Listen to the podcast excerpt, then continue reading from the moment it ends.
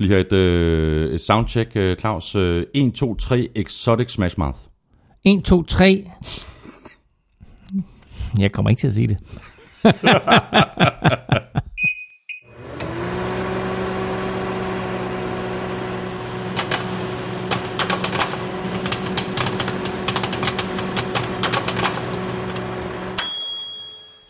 Bum, så er der fodbold. Du lytter til nfl Show, der er optaget live on tape og er produceret af Kvartrup Media i samarbejde med Odset fra Danske Spil.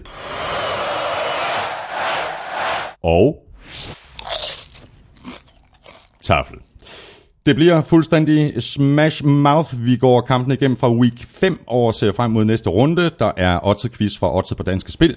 Ugens spiller fra Tafel, det er quiz fra Amstrup, spiltip fra Elming, fantasy tips fra Korsmed og til sidste udsendelsen, der kan du høre, hvordan du får fingrene i de tre ringetoner, der nu bliver tilgængelige af Korsmeds kæmpe hits. Hvor er Todd Gurley, Ambition Gurley, og ikke mindst Gurley. Jeg gav dig mit alt.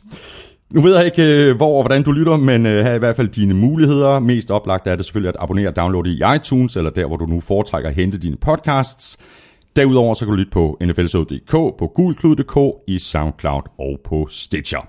Tak for de øh, seneste anmeldelser i iTunes, og tak til alle, der har valgt at støtte os med et valgfrit beløb på tier.dk eller via det link, der ligger på nflshow.dk. Begge dele er en kæmpe hjælp. Jeg hedder Thomas Kvartrup, og her kommer min medvært. Skål Vikings, let's win this game. Skål, Claus Elming. Skål. Skål. Hvor er det dejligt at være her. Og det er dejligt, at du er her. Hvorfor kan de ikke spille nogle flere kampe, så vi kan lave nogle flere podcasts? Det er også for ringe. Ja, er det ikke det? Det er alt for ringe. Burde spille to gange om ugen. Vi skal klage til Godel. Ja, det skal vi. Prøv lige, jeg skal lige sige noget.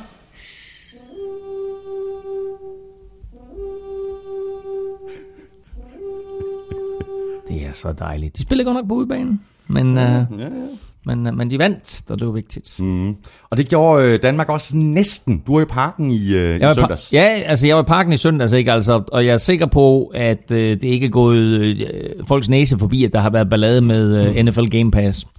Fordi jeg havde jo sat det helt, øh, ikke det helt store setup, men jeg havde selvfølgelig taget min telefon med, og så et par hørebøffer, fordi så tænkte jeg, så klokken 19, der kan jeg lige sidde og høre, game, altså, høre Red Zone, Ja. mens jeg sidder og ser landskamp. Men det ikke? kunne du ikke. Men det kunne jeg ikke. Jeg tænkte, hvorfor er det, jeg ikke kan logge ind her? Og der var alt muligt ballade. Og så det sidste, så måtte jeg jo opgive, så gik jeg jo lige på Twitter. så Og så, og så kunne jeg godt se på Twitter, at, At du- du ikke at, at hele Europa var harm. Ja, det var fuldstændig vanvittigt. Men nu, nu kommer, kommer der i det mindste en refund. 20% øh, betaler de tilbage. Ja, ja. Og så må vi bare håbe, at det, at det virker fra på søndag. Jeg vil gerne se det, før jeg tror. det. Åh jo, men det er italienere, ikke? Så 20 procent, det er ikke 20 procent. Nå, men øh, tillykke med, øh, med, med sejren over, øh, over Trubisky. ja, tak. Ja, tak. Det var, øh, det var, jamen, det var hårdt. Øh, det holdt hårdt. Øh, Bears gjorde det godt. At det var lidt interessant, fordi det var jo kun anden gang siden 2007, at Vikings vandt på Soldier Field. Og, øh, og derfor så var det faktisk en, en, en ganske udmærket sejr at få med. Mm. Det er ikke et noget nem, nemt sted at vinde. Falcons havde problemer i spil U1, og Steelers tabte. Mm. Så, øh, så det, var, det var fint, at Vikings kunne, kunne tage fra Soldier Field Men, men, jeg sejr. synes, men jeg synes, det var det, det rigtige at skifte Glennon ud med Trubisky, øh, selvom Glennon jo er, er noget højere. Han er, faktisk, øh, han er faktisk overraskende høj. Vi talte om det i, øh, i sidste uge, Claus. Man kan jo ikke anklage ham for ikke at have overblikket, fordi han er 4 meter og 2 høj, ikke? Ja, det var da med vilje. Hvad, hvad er der med det? 4 meter og to. Hvad, det var da med vilje. Det er en stor han, dreng. Jamen, han er da lang for pokker. Han er simpelthen utrolig, at han ikke kan udnytte det der bedre. Det var, det, altså, okay, skal jeg så til at være helt faktuel nu? Det var en overdrivelse for ligesom at fremme forståelsen for den Nå, jeg- mandsperson, jeg sidder jeg, over jeg med. troede simpelthen bare, det var en fortalelse, fordi jeg hørte det faktisk dengang, hvor vi sad og lavede det. Så han lige 4 meter, to, ej, det må være 2 meter 4. Jeg, bare, jeg har hørt forkert. men Men det, var men, men det, var er faktisk ikke umuligt, men det er faktisk ikke umuligt, at han er 2 meter og 4. Det var, det var helt tilfældigt, jeg brugte de tal.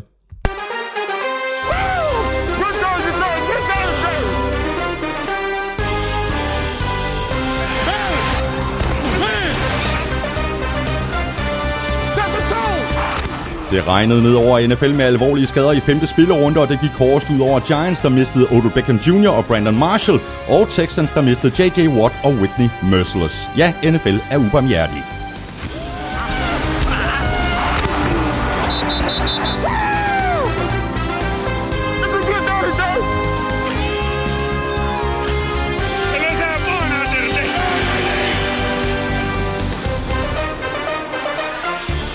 Chiefs er stadig ubesejret, og Alex Smith spiller så godt, at han nu må være en del af diskussionen om, hvem der skal være MVP. Det er mildt sagt mere, end man kan sige om Ben Roethlisberger, der spillede en jammerlig kamp mod Jaguars. Jeg hedder Thomas Kvartrup, og med mig har jeg Claus Elming.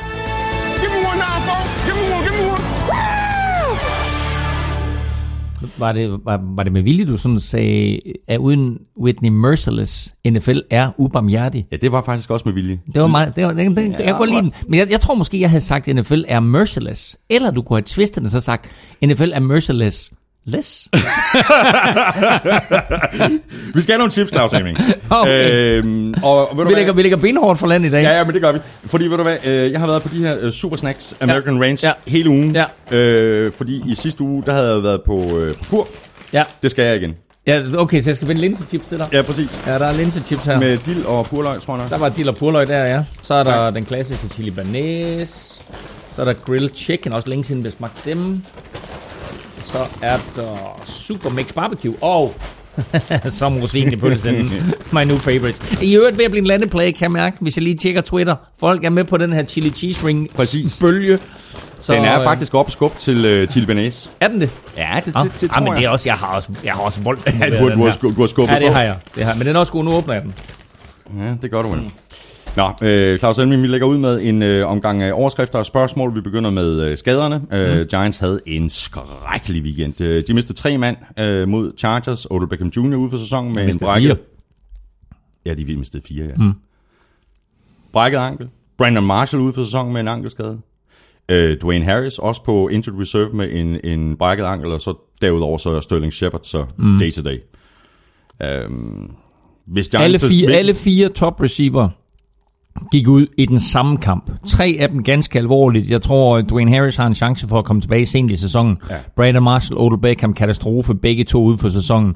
Øh, Sterling Shepard forlod også kampen. Du siger day to day. Lad os nu se, om han er klar til weekenden. Øh, øh, det er i hvert fald væsentligt for Giants, at de får ham tilbage, for ellers så øh, snakker vi øh, nogle spillere, som du aldrig nogensinde har hørt om i dit liv, der pludselig står som startende receiver for en af de største klubber i NFL. Og det var den øh, sæson for Giants, hvis det ikke allerede var det.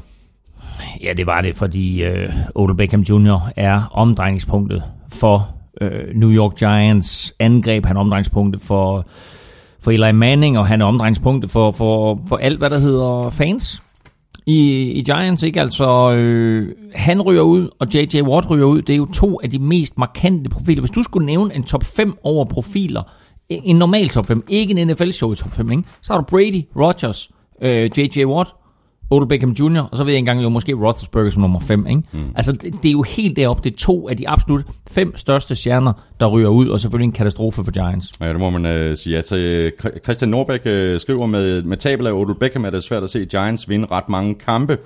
Er vi ved at være der, hvor Giants til den kommende draft skal fokusere på, hvem der skal overtage efter Eli? Ja, det kunne de godt. Det gjorde de jo faktisk en lille bitte smule i den draft, vi lige har været igennem. De valgte en spiller, der hed Davis Webb, øh, jeg tror i fjerde runde. Og øh, han, øh, han har en masse potentiale. Jeg kan rigtig godt lide ham. Øh, eller i hvert fald, da han spillede i college. Øh, Vi har jo set mange quarterbacks, der har svært ved at gå fra at spille college til at, at spille NFL. Øh, men øh, men han, øh, han har nogle kvaliteter, som øh, jeg er sikker på, at Giants de tester hver evig eneste dag i training campen. Nu er spørgsmålet så bare, om de med 0 og 5 er kyniske nok til at sige, nu lukker vi Eli Manning ned for sæsonen, og så spiller vi Davis Webb og ser, hvad vi har. Mm. Øh, og så er der jo et lille bitte rygte. Det er ikke et stort rygte, men det er et lille bitte rygte. Det er nok mere spekulation, end det er et rygte.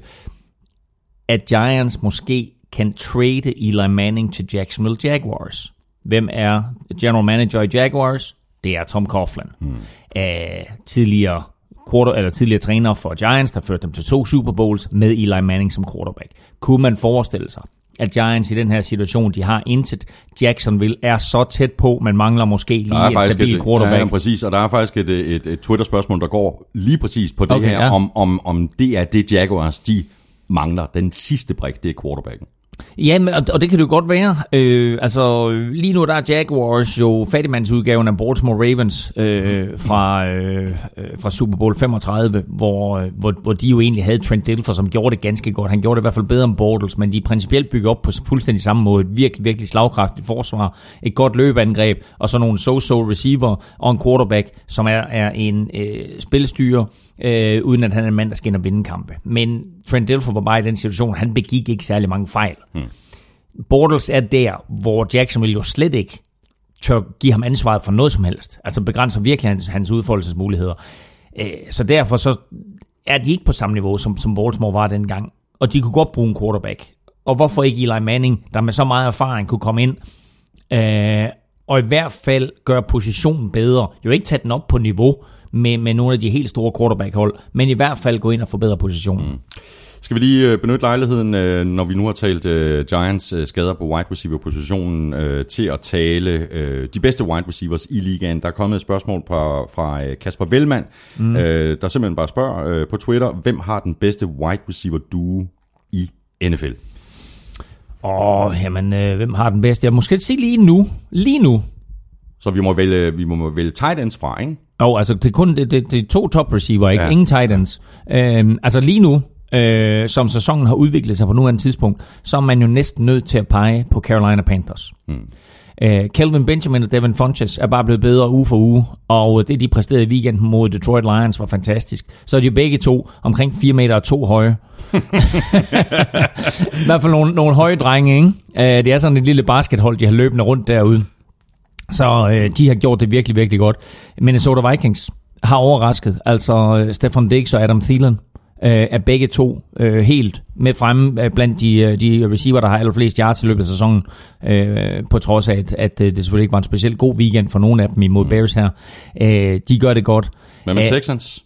Det er Andrew Hopkins. Prøv at høre, altså, og, og det er jo så vildt med, med receiver-duoer, fordi, eller receiver det hele taget, at du kan have nogle virkelig, virkelig dygtige receiver, som bare ikke kommer frem i rampelyset, fordi de mangler en quarterback. Og man må bare sige, at det er Andrew Hopkins og Will Fuller, er jo blevet helt andre receiver, efter de har fået det Sean Watson som quarterback. Det må man sige, altså. Og fem touchdowns til de to i weekenden til sammen. Ja. Øh, og, og de er jo virkelig, virkelig talentfulde, de to, de Andrew Hopkins og Will Fuller. Altså måske sådan overordnet set, så er det måske den bedste duo, også fordi de komplementerer hinanden så godt. Mm. Funches og Benjamin kan meget af det samme. Øh, lidt med, med, med Dix og Thielen, de kan også meget af det samme. Men Will Fuller har den der topfart, øh, som komplementerer af DeAndre Hopkins' gode hænder og evne til både at løbe ind og ud og dybt og kort og så videre.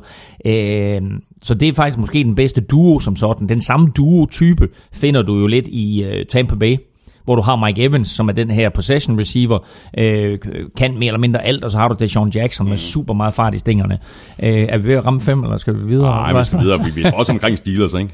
Martavis Bryant og Antonio Brown. Altså Antonio Brown løfter en hver receiver duo, og så må man bare sige, at Martavis Bryant altså, har måske ikke levet op til det niveau, vi ved, han men har. Men kæmpe potentiale. Ja, og fantastisk atlet jo. Altså, se ham løbe, ikke? Altså, det er... Øh, det, er den, det, det, det, det moderne udgave af Randy Moss, det, det er der, vi er ja, henne. Ikke? Ja, altså, han, ja. han er så hurtig og så stor og så adræt. Øh, meget, meget svær at håndtere. Packers er også svært at komme udenom, ikke? Jordy Nielsen, der var altså Adams, jo, Randall Cobb. Jo, jo, jamen det er de da, men hvor meget er det af Rodgers? Altså, vil Jordy Nelson, vil han være en top receiver hos andre angreb end, end hos øh, Green Bay? Nej, det er ikke sikkert. Men altså, jo, altså, det, der var til Adams og, og Jordy Nelson, er der en fremragende duo. Ja. Demarius Thomas, Emmanuel Sanders. Ah, prøv, okay, det er klart. Altså, de mangler så også en quarterback, men det er jo faktisk en fantastisk duo i, i Broncos, ikke? Øh, Demarius Thomas, øh, på papiret den bedste receiver, men den, der producerer mest, er jo faktisk Emmanuel Sanders, men de er altså også virkelig, det er også en virkelig, virkelig god duo. Så lad os lige vende tilbage til... Og ved du hvad, og ved du, hvad vi så ikke har nævnt? Så har vi ikke nævnt Raiders. Ikke? Altså, ja, det er rigtigt. Jamen, prøv, jamen, jamen, men det er, jo, det er jo ikke det er jo med vilje, fordi Amara Cooper er jo helt væk i år. Ja, det er han. Han er helt væk. Ja. Ikke? Men, men sidste år ville du have sagt, nej, men, altså, det, Cooper og Crabtree. Cooper og Crabtree, ikke? men han er jo helt ja. væk. Hvad med Rams? De begynder sådan at boble, ikke? Jo, men hvem har det? Altså, der er Cooper Cobb og, og hvad Robert så? Woods, Sammy Watkins. Ja, men nu er du oppe på tre og pludselig, ikke? Altså, jo, jo, altså, men der, så må der, der blev sagt duo, fra, ikke? ikke? Jo, jo. Ja, nej, det synes jeg ikke, ikke endnu. Hmm. Så lad os lige vende tilbage til, øh, til skaderne, fordi vi fik uh, nævnt både uh, Whitney Merciless og J.J. Watt. Uh, Mathias Nyman spørger på Twitter, får vi nogensinde J.J. Watt at se på sit topniveau igen med alle de skader, der regner ned over ham? Jeg er bange for, at vi ikke gør. Uh, alle de meldinger, der kom fra Texans træningslejr her, det var, at han var, han var større, han var stærkere, han var hurtigere, end, end han nogensinde har været før. Han var tilbage i topform. Han har ikke haft en god sæson. Øh, han er blevet fuldstændig overskygget af Jadavion Clowney, mm. og for den sags skyld af Whitney Merciless. Mm. Øh, jeg tror, han har haft et sack hele sæsonen.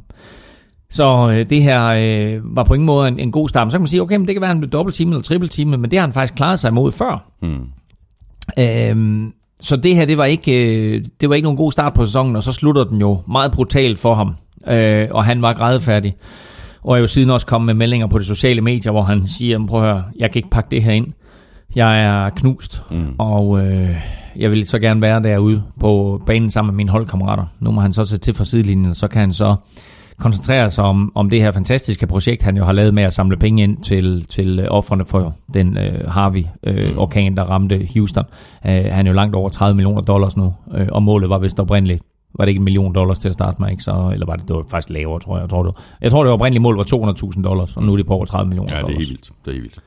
Vi vil lige uh, runde et par andre skader. Wide receiver Chris Conley fra Chiefs. Han er også færdig for sæsonen. Han rev mm. Kielscenen over sent mm. i kampen mod Texas. Bills er uden Charles Clay, ja. tight enden, ja. i, i flere uger i hvert fald ja. med en knæskade. Ja. Og det er dårlige nyheder for Tyrod Taylor, fordi uh, Clay, tight enden, var faktisk det bedste mål ned ad banen.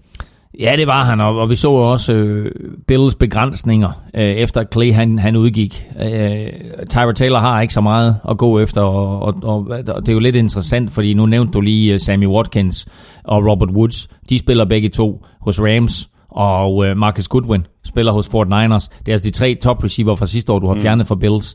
Øh, så har han selvfølgelig fået øh, Jordan Matthews ind fra, fra Eagles, men øh, han har været småskadet. Han har, han har leveret, når han har været på toppen, men altså, han har været småskadet. Og Say Jones, som de har fået ind, rookien der, han, øh, han har svært ved at konvertere sin succes i college mm. til at spille i NFL. Og så kan vi dårligt komme udenom, at øh, der var et, øh, et trade, der var til at tage at føle på i tirsdags. Adrian Peterson, han er blevet traded fra Saints til Cardinals, øh, og det giver i virkeligheden øh, meget god mening. Øh, Saints har deres løbespil på plads, mm. det har Cardinals ikke. Øh, spørgsmålet er så, hvad Chris Johnson han siger til det hele. Ikke så længe siden han tweetede, at AP needs more touches. Mm, det fortryder han nok nu. Ja. For nu kommer de til at konkurrere om de der touches. Jamen, Chris Johnson er blevet smidt på borden. Så der er ikke nogen konkurrence der. Ja, undskyld, den skal hvornår? Jamen, jeg, jeg tror da, han røg, røg Chris Johnson ikke i går? Eller i forgår? Nej, det har jeg slet ikke hørt. Ja, det er næsten sikkert, men nu kommer jeg i tvivl. Kan nej, du, nej, jo, kan jo. Du ikke lige, kan du ikke lige google det? Jo, det gør jeg da. Nå, ej, hvor er det, hvor er det vildt. Øh, okay, jamen, jamen, jeg tænkte bare, når de kommer til at dele de der carries. Øh, Chris Johnson, American football player who's currently a free agent. Damn. Damn. Nå, jamen... Så han, han anbefalede, at... Har du ikke lige... Altså, det var nærmest, det var nærmest breaking news for mig, det der jo. God aften og velkommen til NFL-showet. Her med de seneste nyheder, Thomas Kortrup. Chris Johnson, he's done his history. Nej, okay. Men øh, hvad det der...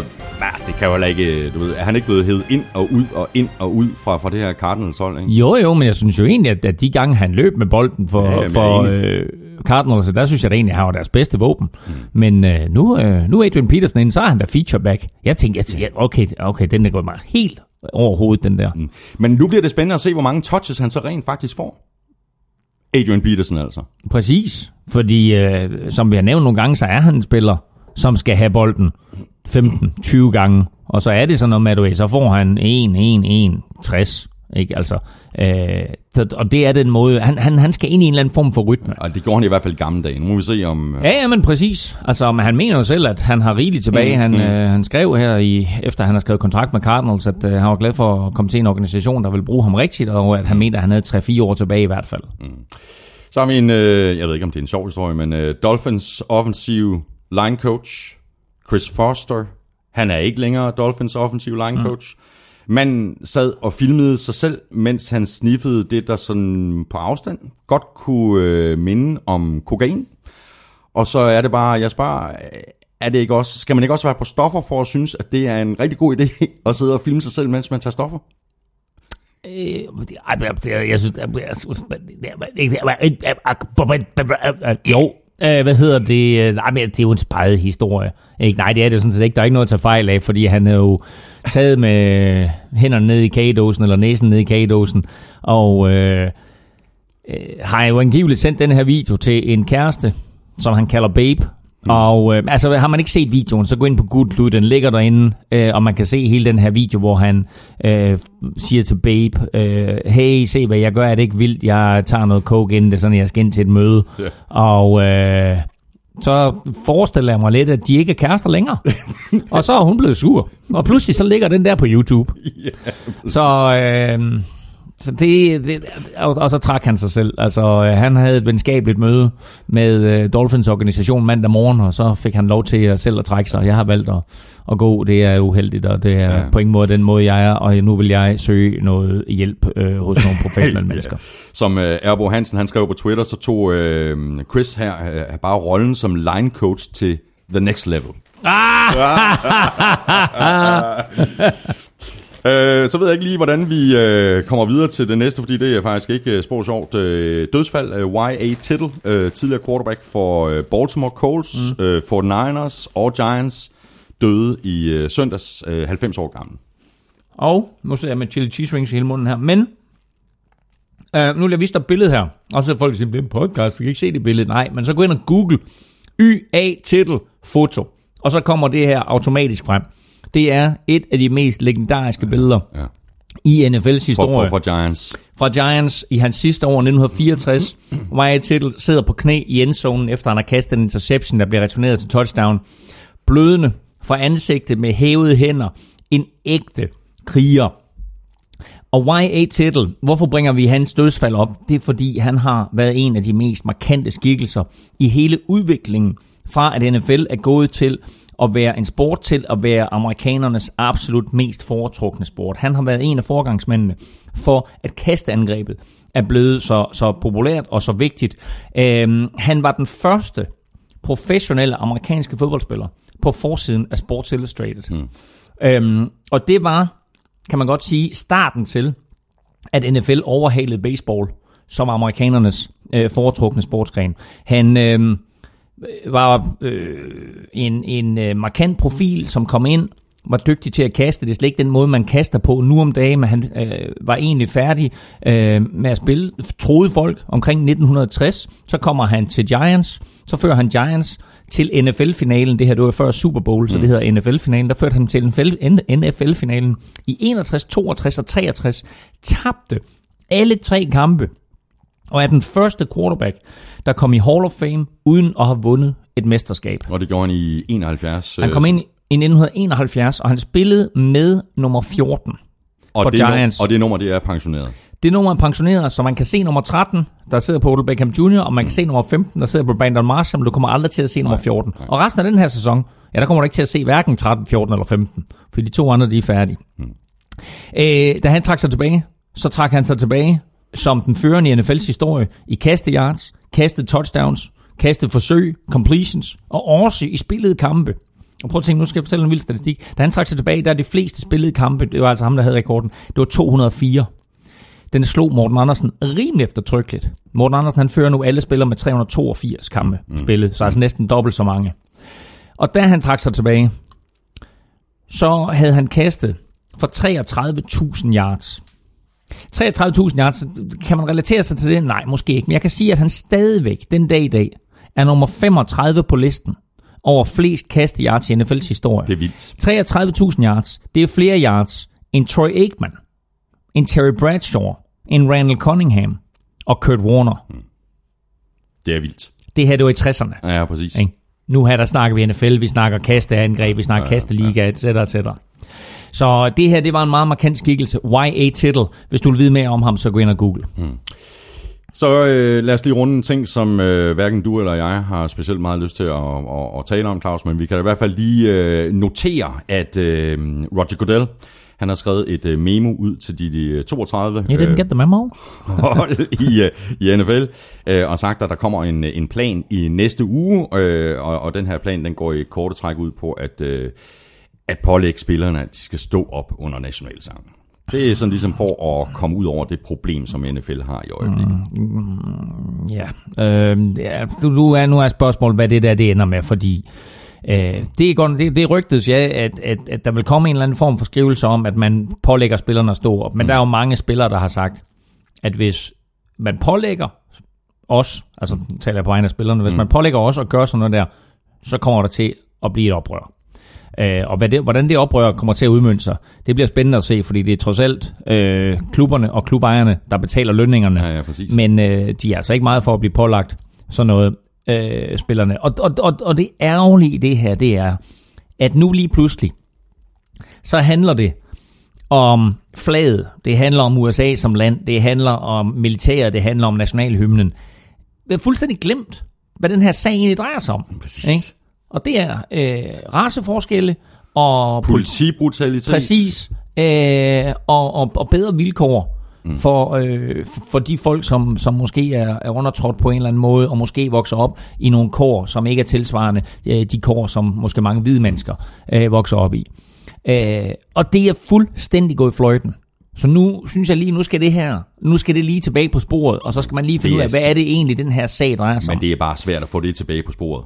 Der er et møde i NFL, jeg mener det er på tirsdag i næste uge, og øh, der bliver altså indkaldt øh, nogle forskellige spillere og andre personager til ligesom at komme med deres input. Mm. Og øh, der var en øh, spiller, som øh, skrev et tweet til Roger Goodell. Jeg synes, det er en god idé måske at indkalde Colin Kaepernick.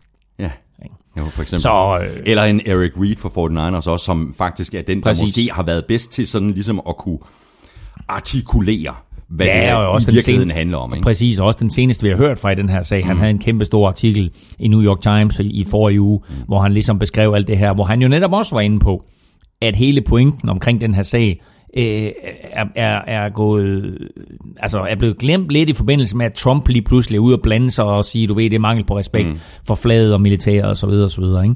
Så øh, nu skal vi tilbage til det, det drejer sig om, og det håber jeg, at, at NFL og, og spillerne og hele den her sag kommer. Har du tænkt på, hvor vildt det er, at hvis Kaepernick var blevet traded til Broncos, dengang der var snak om det, mm. så var alt det her slet ikke sket. Fordi Kaepernick udviklede sig fra, du ved, øh, kysse sine øh, biceps mm. og så videre, hen over et år til at få, få øh, stort afrohår og være borgerrettighedsforkæmper. Øh, forkæmper. Altså det skete mere eller mindre overnight. Hvis han var blevet traded til Broncos, og han var blevet Broncos øh, første quarterback, så var vi sandsynligvis aldrig nogensinde kommet til at se det her. Ja, medmindre han så havde fortsat sin protest der. Men det var så før han overhovedet begyndte på protesten. Keep talking. Skal jeg køre breaking news igen? Ja, nej, det er nej, nej. Lad os tale uh, Mermaid Bowl. Uh, Claus, uh, var du nede og se den? Jeg var Øh, i jeg, Slagelse, jeg var i Slagelse at se kampen. jeg skulle have været dernede, ja. Og så uh, to timer før, at uh, jeg skulle have startet det lille stykke automobil, så kom der familiebesøg, der røg den lørdag. Men uh, det regnede, men uh, Towers vandt 20-7 over Søllerød. Gold Diggers. God kamp. Nej. Nej. Det var en decideret elendig kamp. Øh, regnen kom desværre til at sætte sit store input på det hele. Øh, den store oplevelse var øh, Dayton Wynn, running back fra Copenhagen Towers, som senere også blev kåret til ligaens MVP. Øh, kampens MVP blev meget fortjent. Øh, en safety fra, øh, fra Copenhagen Towers, der også er på det danske landshold, der hedder Magnus Bitch.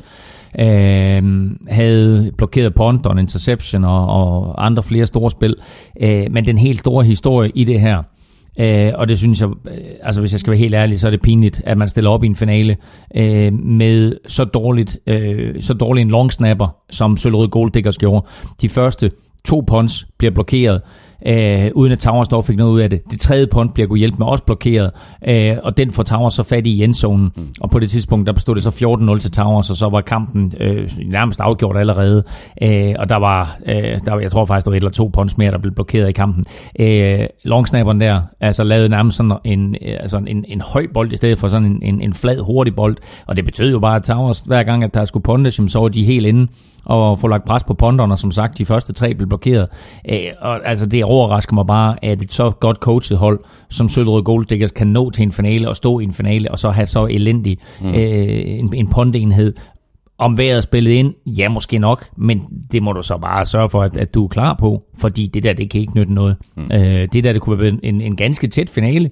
Øh, vejret gjorde, at holdene nok var mere jævnbyrdige, end, end de normalt ville være, og, øh, og, og derfor så havde Søllerød faktisk en ganske udmærket chance for at vinde den kamp. Men når du så altså, dummer dig på den måde på special teams, så var sagen ligesom afgjort på forhånd. Så det er fuldstændig ligesom i NFL. Øh, Special teams er, øh, det er den tredje enhed, og er Præcis. fuldstændig lige så vigtig som, øh, som både angreb og, og, og forsvar. Ja. Men det var Towers syvende mesterskab, og dermed så kommer de op øh, og har vundet flest mesterskaber sammen med Triangle Razorbacks, der også har vundet syv. Så lad os lige nappe et par, øh, par spørgsmål. Øh, Claus øh, Ludvig Schmidt, han har sendt en meget, meget lang mail, som jeg lige prøver kort bare en øh, smule ned. Øh, han skriver, mine venner og jeg så Thursday Night-kampen, og vi så Hogan gribe en bold i endzone, mens han var i luften. Efterfølgende blev han skubbet ud af endzone og ind på banen, hvor han landede med fødderne på omkring 4 linjen Altså rørte hans fødder aldrig endzone, og det gjorde bolden heller ikke, efter hans fødder havde ramt jorden. Er der en regel om, at forward progress også gælder for grebne bolde i luften, selvom dine fødder ikke har været nede? Er der en regel, som siger, at så længe en bold har været i hænderne i endzone, så lige meget om dine fødder lander på selve banen? Og sidste spørgsmål, gælder reglerne også ball spots, hvis det handler om en first down i stedet for et touchdown? Ja. Øhm, det, jeg synes faktisk, at det der det er et rigtig, rigtig intelligent spørgsmål. Og øh, dermed sagt til alle de andre, der stiller spørgsmål, at det er... så også. Øhm, men, men, men jeg kan godt lide spørgsmålet, fordi det blander jo sådan set to regler lidt sammen, det her. Hvis en uh, spiller øh, griber bolden i sidelinjen i endzone, og en forsvarsspiller så tager ham ud over sidelinjen, så har han ikke noget at få to fødder nede. Og så er det den regel, der hedder force out. Mm. Så er det et godt forsvarsspil. Men i og med, at han griber bolden på mållinjen, og så bliver tvunget ud af mållinjen, så er det pludselig forward progress-reglen, som vi snakker om. Og der siger man, ja, men han var kommet der frem til, og det er selvfølgelig en regel, der er sat ind, sådan så man hverken kan tage en receiver eller en running back og løfte ham op, og så løbe ham 20 yards tilbage og lægge ham ned der, og så sige, det var der, vi taklede ham. Så der snakker vi om, hvor langt kom man frem, hvor langt var man fremme på det punkt, hvor man var længst fremme. Og det var, det var det, det er den her regel, der er i spil nu. Og Kevin Hogan griber bolden i endzonen. Han bliver taklet i endzonen, kørt ud af endzonen, lander på 2 linjen cirka og ender med at være nede på 4 linjen Men der har han grebet bolden mm. 4-5 yards længere fremme ind i endzonen, dermed touchdown. Således øh, forklaret, og så tager vi øh, et spørgsmål mere. Øh, et spørgsmål fra Markus Sletten, øh, der skriver, øh, på trods af, at det stadig er tidligt på sæsonen, hvilke trænere kan allerede siges at sidde på et meget varmt sæde? Vi rundede det faktisk lidt i mm-hmm. sidste uge, Elming, og sagde, at vi vil skubbe det her spørgsmål til, til den her uge. Øh, Markus Sletten øh, fortsætter sin, øh, sin mail. Øh, selv tænker jeg McAdoo for Giants, fordi holdet præsterer så meget dårligere end sidste sæson selvom de har stort set det samme hold. Det har de så ikke øh, helt øh, længere med alle deres skader. Og så nævner Markus Letten så også øh, Chuck Pagano, fordi Colts bare er ringe år efter år, både med og uden Andrew Luck. Mm. Jeg tror også, at, øh, at Chuck Pagano, øh, han ryger. Ja, og, og det burde han nok have gjort tidligere, ja. men... Øh, han er, han er gode venner med, øh, med de øverste i, i Colts-organisationen, og derfor så fik han et, og har jo også øh, overvundet kræfter og så videre, så der var måske også noget sentimentalt omkring hele den situation med, med om han skulle være træner eller ej. Så det var, det var overraskende for mange, da han fik en forlængelse af sin kontrakt, men altså...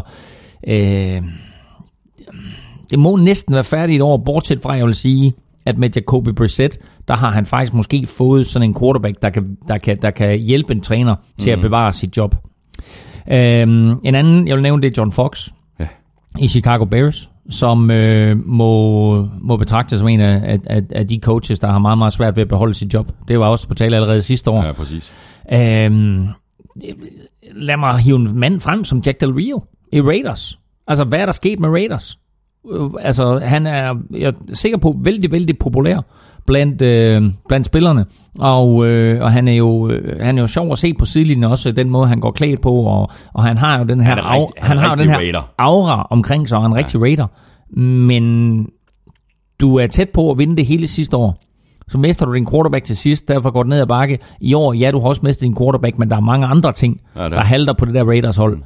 er Jack Del Rio løsningen derude? Jeg tror ikke, han bliver fyret lige med det samme, men altså, jeg siger bare, at man skal lige holde øje med, hvad der sker. Hvad med uh, McAdoo? Som jo, jo, selvfølgelig, selvfølgelig det, er, det er klart. Altså, der, er, der er så mange uh, utilfredse uh, røster fra New York, uh, at Ben McAdoo selvfølgelig er på det varme side. Uh, angiveligt også en eller anden form for spilleroprør i gang hos Giants. Dominic Rogers Cromartie ja. var ved at forlade kampen i, i søndags, og forlod angiveligt træningen i fredags, og forlod vist også træningen i mandags. Så øh, ja, han er suspenderet, han, han er suspenderet nu, nu, ikke? Men altså, han er bare en af dem. Uh, Janoris Jenkins har vist også mm. lavet en eller anden form for, øh, for oprør, øh, uden at det indtil videre har fået konsekvenser for ham.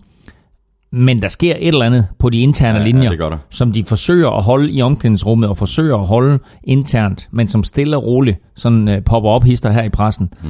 Uh, så øh, det, det er spændende at se, hvad der sker i Giants. Lige nu, hvis jeg skulle vælge en coach nu, som bliver fyret i sæsonen, så er det McAdoo. Ja, jeg, jeg, jeg er fuldstændig enig. Ja. Jeg har lige en, klub mere, som jeg vil øh, nævne. Ja, Browns. Altså, de har jo det her Ja. ja. langtidsprojekt, ikke? ja, Men, som vi også talte om i sidste uge, Ja. de har taget et skridt tilbage Ja. i år Men- i forhold til sidste år. Men jeg er med dig på den der. Og jeg synes, lad os lige gemme den, til vi snakker om Browns-kampen, fordi der var nemlig nogle beslutninger fra Hugh Jackson i den kamp, som jeg er meget uenig i. Så skal vi have noget øh, fantasy, fordi i sidste uge der ramte Kåre smed jo plet med sine anbefalinger af Andre Ellington og Austin Seferian Jensen, øh, som begge havde øh, pæne fantasy-kampe, sådan alt taget i betragtning. Og øh, Peter, hvor befinder du dig henne i, øh, i den her uge? Tak for ordet, Thomas. Øh, jeg befinder mig i den legendariske landsby Snave på Vestfyn, som jeg synes virkede som en, øh, en helt oplagt destination, når jeg nu kan skrive officiel ringetoneproducent på CV'et. Og apropos ubrugelige kompetencer, så vil jeg i øh, den her uge hive et par navne frem, som ikke er oplagte starter i hver uge. Men det er spillere, som du muligvis kan bruge i weekenden som et par totalt i orden indskiftere. Elijah Maguire blev draftet i 6. runde i årets draft af New York Jets. Han var inden sæsonen cirka lige så hyped blandt øh, uh, ligands running backs, som Haske Hubi er det i det danske DJ-miljø. Matt Forte og Bilal Powell står egentlig først i køen, når der skal uddeles løbespil i Jets. Men begge spillere er ramt af skader, og især Bilal Powell virker meget tvivlsom frem mod weekendens opgør mod et Patriots forsvar med masser af problemer. Elijah Maguire er god til at gribe bolden og er bestemt ikke en utidig fantasy-spiller i den her uge. Men fristes næsten til at sige, så er det lavkage. Taylor Gabriel er ikke en af de originale raketsmølfer, men han har altså alligevel så meget fart i stængerne, at han snil kan give baghjul til enhver tunet Puk Maxi i enhver dansk provins eller landsby. I weekendens kamp mod Dolphins sidder øh, Mohamed Sanu efter alt sandsynlighed ude med en skade, og det giver altså Taylor Gabriel alle tiders mulighed for at lange morgenshriftstjerner over disken til delfinernes forsvar. Gabriel har ikke rigtig kunne hit ud af at finde et stabilt niveau for sine præstationer.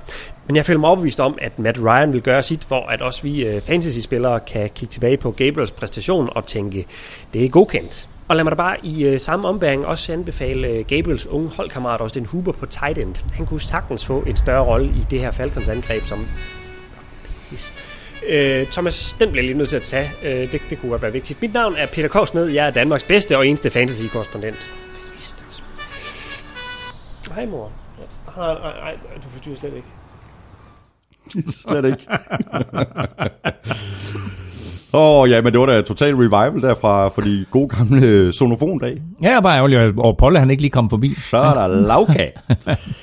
Raketsmølfen, øh, raketsmølfen Ja. til Gabriel, en af dine øh, store helte, øh, Claus Elming. Øh, kunne du finde på at starte ham i, øh, i fantasy? Hvorfor er, er Taylor Gabriel en af mine store helte? Jo, det er det. Du, det, det er, du taler ham, om ham igen og igen. Nej, jeg siger bare, at han er et klassisk eksempel på, hvad der er gået galt i Browns. ikke? Altså, du kan, du kan tage to af de spillere, som har markante roller på Falcons mandskab, øh, som tidligere spillede for Browns, nemlig Taylor Gabriel, som jo decideret bare blev kottet. Mm. Ham tænkte jeg, ham kan jeg ikke bruge. Og så kommer han ind i først i Kyle Shanahans angreb, og nu i Steve Sarkisians angreb, men selvfølgelig med Ryan som quarterback, og, og, og bliver jo faktisk en markant spiller og supplerer Ja, ja, præcis. øh, helt perfekt til, til, til, til Julio Jones og, og Mohamed Sanu. Og den anden, det er center Alex Mack, som jo fra det øjeblik, at han forlod Browns, og jo aldrig havde haft en winning season i sin karriere, pludselig kommer til Falcons og står i Super Bowl sidste år, og siden det skifte. Han var også inden skiftet anerkendt som en af de bedste center i ligaen. Efter sit skifte til Falcons, der er der ikke nogen tvivl om, at han er den bedste.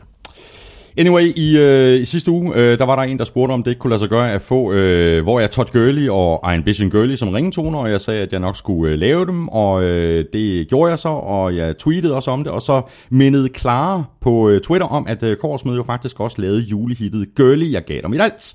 Øh, den har jeg så også lavet om til en, en ringetone. Alle ringetoner kommer til at ligge til allersidst i den her podcast, og der kan du så også høre, hvordan du får fat i dem. Følg i øvrigt uh, Korsmed på Twitter på snablag Korsved.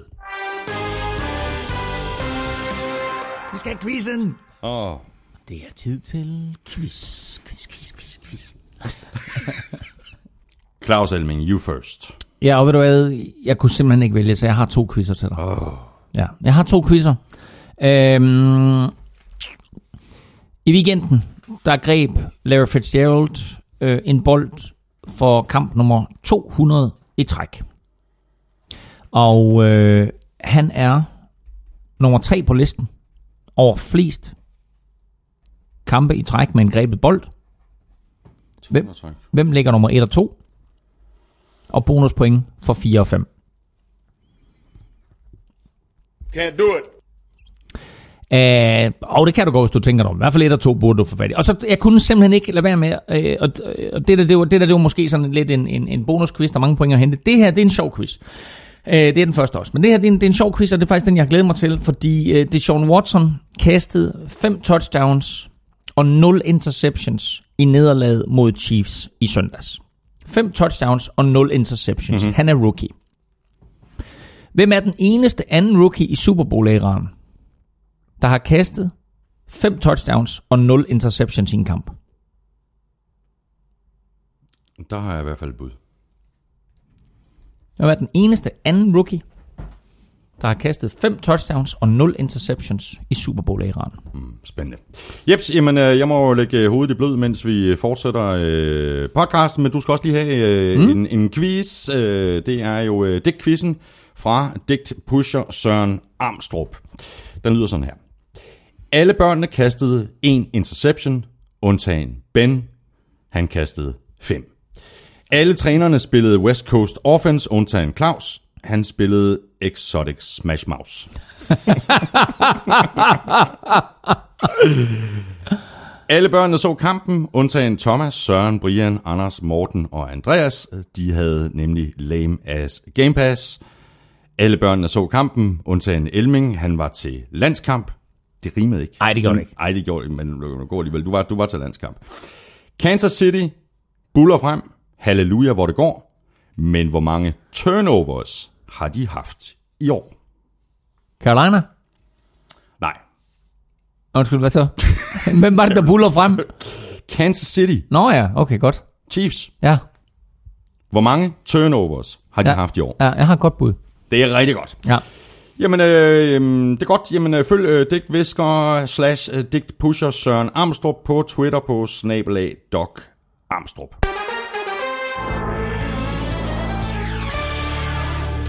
Så skal vi snakke øh, kampe, Claus, og det, vi begynder selvfølgelig med Thursday Night-kampen mellem Buccaneers og Patriots, som Patriots endte med at vinde med øh, 19-14. Øh, en del af historien er selvfølgelig, at øh, Nick Folk missede tre øh, field goals, og den anden del af historien er, at Patriots måske alligevel har et forsvar. Selv secondaryen spillede bedre i den her kamp. Ja, Patriots gjorde det, som de altid gør, det er, at de tager modstandernes bedste våben væk, og det var, at de øh, forsøgte øh, i den her kamp at, at fjerne øh, receiver Mike Evans, og det lykkedes øh, stort set for dem. Øh, Mike Evans greb fem bolde for 49 yards, og det er langt under hans normale gennemsnit, øh, og de tillod ikke, øh, at han gik dybt på dem. Øh, James Winston fik også det her Patriots forsvar til at se rigtig, rigtig godt ud i tre quarters. Mm. James Winston spillede en fin fjerde quarter, men overordnet set i løbet af den her kamp, der var han en kæmpe skuffelse. Overordnet set, der havde Buccaneers alle chancer for at vinde den her kamp imod Patriots, der stillede til start uden Gronkowski. Og øh, kun formåede at smide 19 point på tavlen. Buccaneers havde, øh, som du nævnte, mulighed for med to eller tre field goals fra Nick Folk at vinde den her kamp. Mm. Det ene af dem kunne man ikke forlange, at han skulle score på. Det var fra 56 yards i slutningen af første quarter.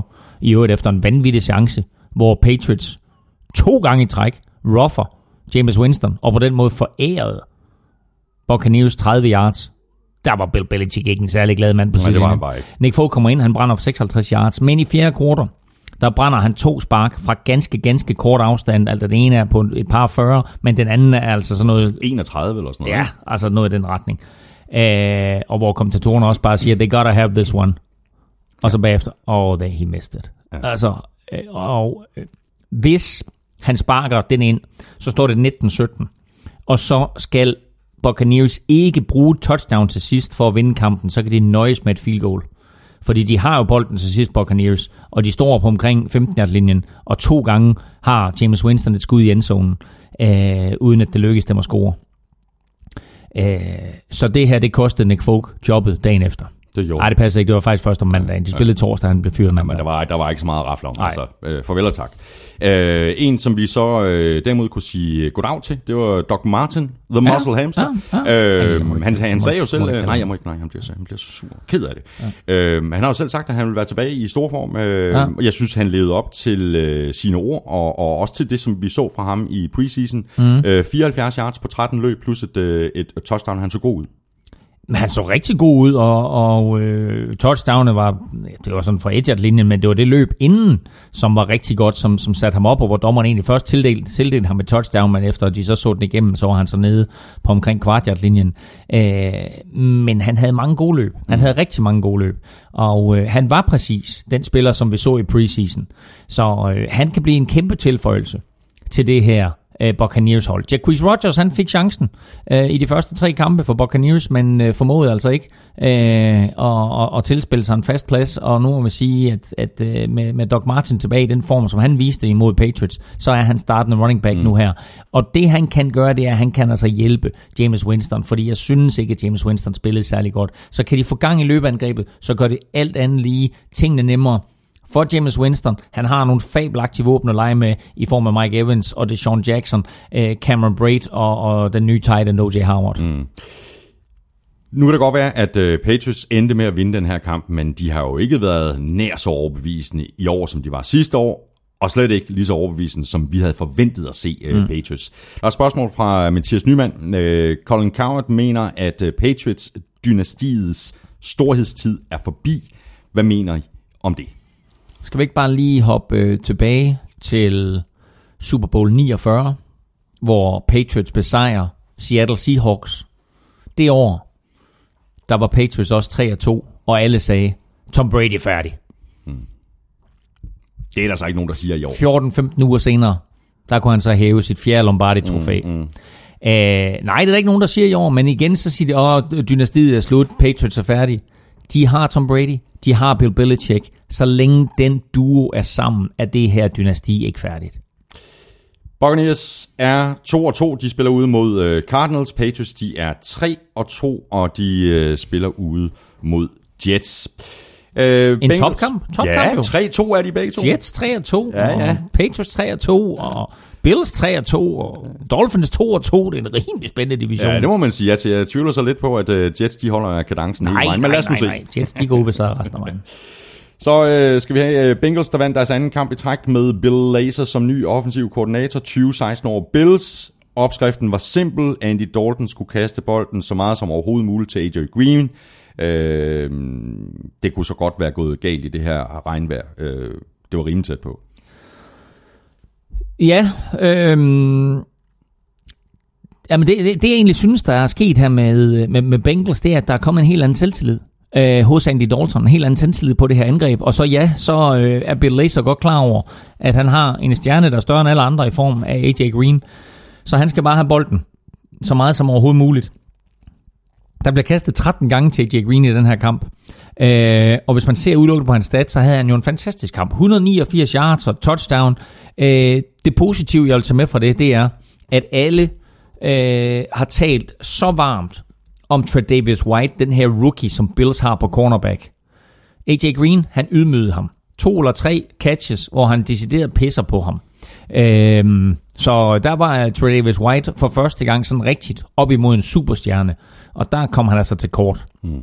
Men Andy Dalton kaster to interceptions. De er begge to det er begge to bolde, der er igennem hænderne på AJ Green. Præcis. Den ene måske lidt høj, måske øh, præget af, at, at, at, at der er regn, og bolden er glat og så videre, men stadigvæk igennem hænderne på AJ Green, interception af Micah Hyde. Den anden, det er 100% på AJ Green. Går, altså, der kigger han lidt mere på forsvaren, han kigger på bolden, rammer ham nærmest i brystkassen, hopper videre, bliver interceptet af en Bills-spiller. Derudover, en fumble af AJ Green, efter han har grebet bolden. Så principielt, tre turnovers af AJ Green i en kamp, hvor han har 189 yards og touchdown, og alle siger, kæft en kamp af ham. Uden de fejl af AJ Green, så knuser Bengals, mm. Bills. Mm. Og den havde vi ikke set komme. Nej, du havde dem i picks. Jeg havde dem i picks. Jeg havde Bills. Øh, øhm, men, jeg havde, men jeg var meget i tvivl. Ja. Men det her Bengals hold spiller rigtig, rigtig godt på angrebet, efter de har fået Bill Laser som offensiv koordinator. Så nu har vi den her Laser Rifle, Laser og, og, og Andy Dalton sammen. Og det er, det er en, en øh, virkelig, virkelig god kombination indtil videre for dem. Og deres forsvar har jo egentlig spillet ganske godt mm, hele sæsonen. Mm, mm. Øh, så nu siger jeg bare lige, og du hørte det her først, Cincinnati Bengals vinder AFC North. Det tror jeg også, de gør. Ja. Og det er jo det er rimelig rystende efter den øh, katastrofale start, de fik ja. i de to første kampe. Ja. Ikke? Kommer de tilbage i U3 med Laser som ny offensiv koordinator, og faktisk viser, at de er, ja. at de og er var, konkurrencedygtige, var tæt på at vinde. Ikke? De var jo så tæt på at slå, øh, sin, øh, hvad hedder de, uh, Green Bay Packers. Ja. Var, var det ikke foran 24-7 af pausen eller noget i den retning. Ikke? Uh, og så kommer Aaron Rodgers tilbage og leverer magi igen igen, uh, som han også som gjorde i weekend. Ja. ja, præcis. Uh, så øh, med et Ravens hold, som er skadespladet, med et Steelers hold, der slet ikke kan finde melodien, og med et Browns hold, der er ligegyldigt, øh, der synes jeg lige nu, der er Bengals favorit til at tage FC North. Mm, jeg er fuldstændig enig. Uh, så lad os lige tale lidt uh, Bills. Uh, vi har uh, talt om i, i, i begyndelsen af udsendelsen, at, uh, at Bills mistede Charles Clay. Mm. Uh, han gik ud i, i, i første halvleg. Uh, ikke så godt for Tyrod Taylor. Uh, han var jo nødt til at gå, uh, gå efter den til sidst, og så kastede han så uh, en interception. Ikke? Men han var nødt til at gå på den på til allersidst. Ja, og øh, altså, de her turnovers er selvfølgelig med til at gøre kampen tæt, øh, og, øh, og, og Tyra Taylor leverer et, et af weekendens absolut smukkeste touchdowns øh, til Brandon Tate. Øh, et, et, et fantastisk kast, øh, kast ned i bagenden af endzonen, som, som Brandon Tate griber. Øh, og, og det udlignede faktisk til 10-10 på det tidspunkt, og så er der sådan lidt stillestand frem og tilbage, og så ender det jo med, at, at, at Bengals vinder 2016. Øh, men Bills angreb mangler playmakers. Øh, LeSean McCoy kan ikke gøre det alene, Tyra Taylor kan ikke gøre det alene. Vi, t- vi talte om det tidligere, deres tre top receiver fra sidste år spiller i Kalifornien nu. Altså, der mangler bare noget. De har et virkelig, virkelig godt forsvar. Og ja, de er 3 og 2. Øh, havde de vundet den her kamp, så havde de været 4-1 og ligget alene i spidsen mm. for, for AFC East mm. øh, stadigvæk. Nu er det den der tredelte føring med, med, med Jets og, og, og Patriots, og altså umiddelbart så er Patriots bare det bedste mandskab af de tre. Mm. Men de, men, men de tre andre hold må alligevel lugte en lille bitte smule blod, ikke? Det sagde vi inden sæsonen. Mm. Vi sagde jo, prøv at høre, altså de venter jo bare på. Ikke? De gør klar, og, og det der egentlig er med Bills, ikke? det var jeg sagde også inden sæsonen, tror jeg, at det de har gjort, det er, de har sagt, nu skiller vi os af med alt det, vi har i klubben af værdi, og sørge for at få nogle draft picks. Fordi, som jeg også har nævnt tidligere, øh, Cleveland Browns er en af de helt store spillere i næste års draft. Men det er Buffalo Bills også. Buffalo Bills har et hav af picks mm. til næste års draft. Og kan sådan gå ind og øh, manipulere lidt med draften, hister her og sige, så trader vi lidt op der, så trader vi lidt ned der, og kan få nogle af de virkelig dygtige spillere og, og forbedre det her angreb. Og de venter bare på, at den der duo, Bill Belichick og Tom Brady, de skilles ad. Fordi hvad sker der, når Tom Brady trækker sig tilbage? Siger Bill Belichick så også, tak for nu, det var en fornøjelse, jeg vundet fem Super Bowls. Ja, det kunne man godt forestille sig, ikke? Og så, så står Jets, Dolphins og Bills og slikker sig mund og siger, ja. så nu endelig, efter 20 år, ja, så, har så er det vores tur. chance. Ikke? Bengals, de er som sagt 2 og 3. Øh, de er på øh, deres bye week. Øh, det er Bills også, og de er 3 og 2. Så vandt øh, Jets øh, ud over Browns med 17-14. Øh, de 10 første possessions i kampen var missed field goal, punt, interception, interception, missed field goal, punt, fumble, punt, punt, punt. Så er vi ligesom i gang. Mm. Øhm, men, men, det her... men Jets har vundet deres seneste tre kampe, det er ligesom det, der tæller. Men øh, kønt var det ikke. Nej. Øhm, men altså, det det drejer sig om, det er, at når kampen er overstået, så har du fået en sejr. Og, øh, og det fik Jets her. Og selvom den var øh, hårdt tilkæmpet, og selvom øh, de havde behov for hjælp i den grad fra, fra Browns, som jo øh, forærede op til flere muligheder. De havde bolden inden for 5 linjen to gange, uden at komme derfra med point. Mm. Øh, så forærede de nærmest den her sejr til Jets. Men øh, Jets leverede også store nok spil. Josh McCown leverede store nok spil. Øh, eller nok spil. Nok store spil. Det er ikke store nok spil, men nok store spil ja. til, at de vandt den her kamp. Øh, er han ikke øh, deres MVP forløb i sæsonen? Josh McCown? Nej, det synes jeg ikke. Altså, det, altså han har da været overraskende god, det har han da. Men har han ikke stabiliteten på, på angrebet?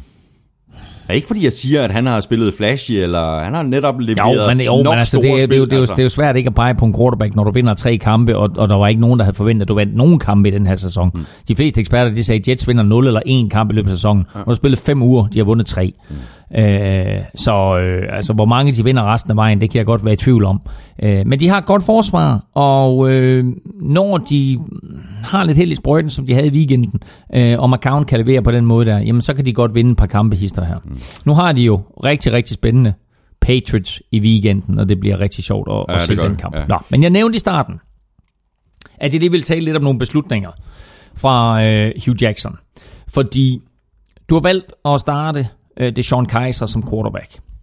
Og det er fint. Øh, jeg går lige valget. Han har faktisk gjort det rigtig godt. Øh, så får du bolden inden for 5 linjen Du er bagud med 10. Så vælger du at gå efter den på fjerde down. Fordi du siger, vi skal have et touchdown. Der mangler altså en halvleg her.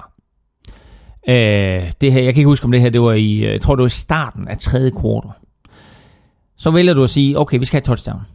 Så ender det med, at de ikke får øh, det her touchdown på fjerde down, og Jets får bolden. I stedet for at komme derfra med tre point, og være inden for en score, så pludselig så går Jets ned og scorer, og så er du bagud med to scoringer igen. Eller ja, mere end det. Øhm, og det der var en beslutning, hvor jeg tænker, din quarterback, dit unge quarterback, har lige ført dit angreb hele vejen ned ad banen. Giv ham da den lille bonus, at I kommer derfra med point, i stedet for at han går fra banen med en holdning, ej, ej, det var også ærgerligt, og mm. nej, vi fik den ikke på fjerde down, og altså, du har kørt, og, og den her kamp, Browns havde jo næsten dobbelt så mange yards, som Jets havde. Mm. Altså, de har næsten dobbelt så mange yards. Det her, det var en kamp, hvor, hvor Browns jo på papiret statistisk vinder kampen, men de begår nogle fejl. Tre gange inden for red zone kommer de derfra uden point. To gange inden for femmerlinjen kommer de derfra uden point. Coaching-fejl. Dumme fejl. Øh, Er det så ikke også en fejl, at de tager ham ud? Jo, Hugh det er Jackson også- tager Deshaun ja. Kaiser ud. Ja. Ikke? Er, det, er det anden kamp nu i, i år, hvor I har taget Kaiser ud? Altså, det er en rookie quarterback. Mm. Hvis du starter en rookie quarterback, mm. Jamen, så er det for at bygge ham op, og for at give ham selvtillid. Nu, øh, nu stjæler du tre point fra ham mm. på den der angrebsserie, mm. som du siger, mm. og så piller du ham ud. Mm. Og så kan han så stå ude på sidelinjen og se, hvad hedder Kevin Hogan mm. faktisk levere bedre. Det er da ikke sådan, man bygger en rookie quarterback op. Der er der et eller andet helt galt med den øh, strategi, de har i trænerstaben hos Browns. Jeg forstår det ikke. Nej, der er, jo- der er jo flere måder at, at bygge en rookie quarterback op, ikke? Altså, Aaron Rodgers sad på bænken tre år bag Brett Favre. Mm. Øh, Eli Manning sad øh, otte kampe på bænken bag ved Kurt Warner. Øh, Dijon Kaiser startede fra dag et. Der er forskellige måder at, at bygge en quarterback op på. Men når du har et hold som Browns, der ikke har nok talent på angrebet, og det talent, de har, er så blevet skadet øh, eller har karantæne, så er det ikke det rigtige at starte Dijon Kaiser. Og der må man bare sige, at Kevin Hogan kommer ind og leverer. Øh, han skulle nok have haft chancen fra første kamp. Mm. Men man så så meget fra Deshaun Kaiser, og de er så desperate også efter, på hele organisationen og trænerstaben, at give publikum noget at juble over. Giv publikum noget, noget, noget håb. Det her, det var den 20. Det 20. nederlag til Browns i de sidste 21 kampe. Er crazy. Altså ikke engang Randers er så dårlige.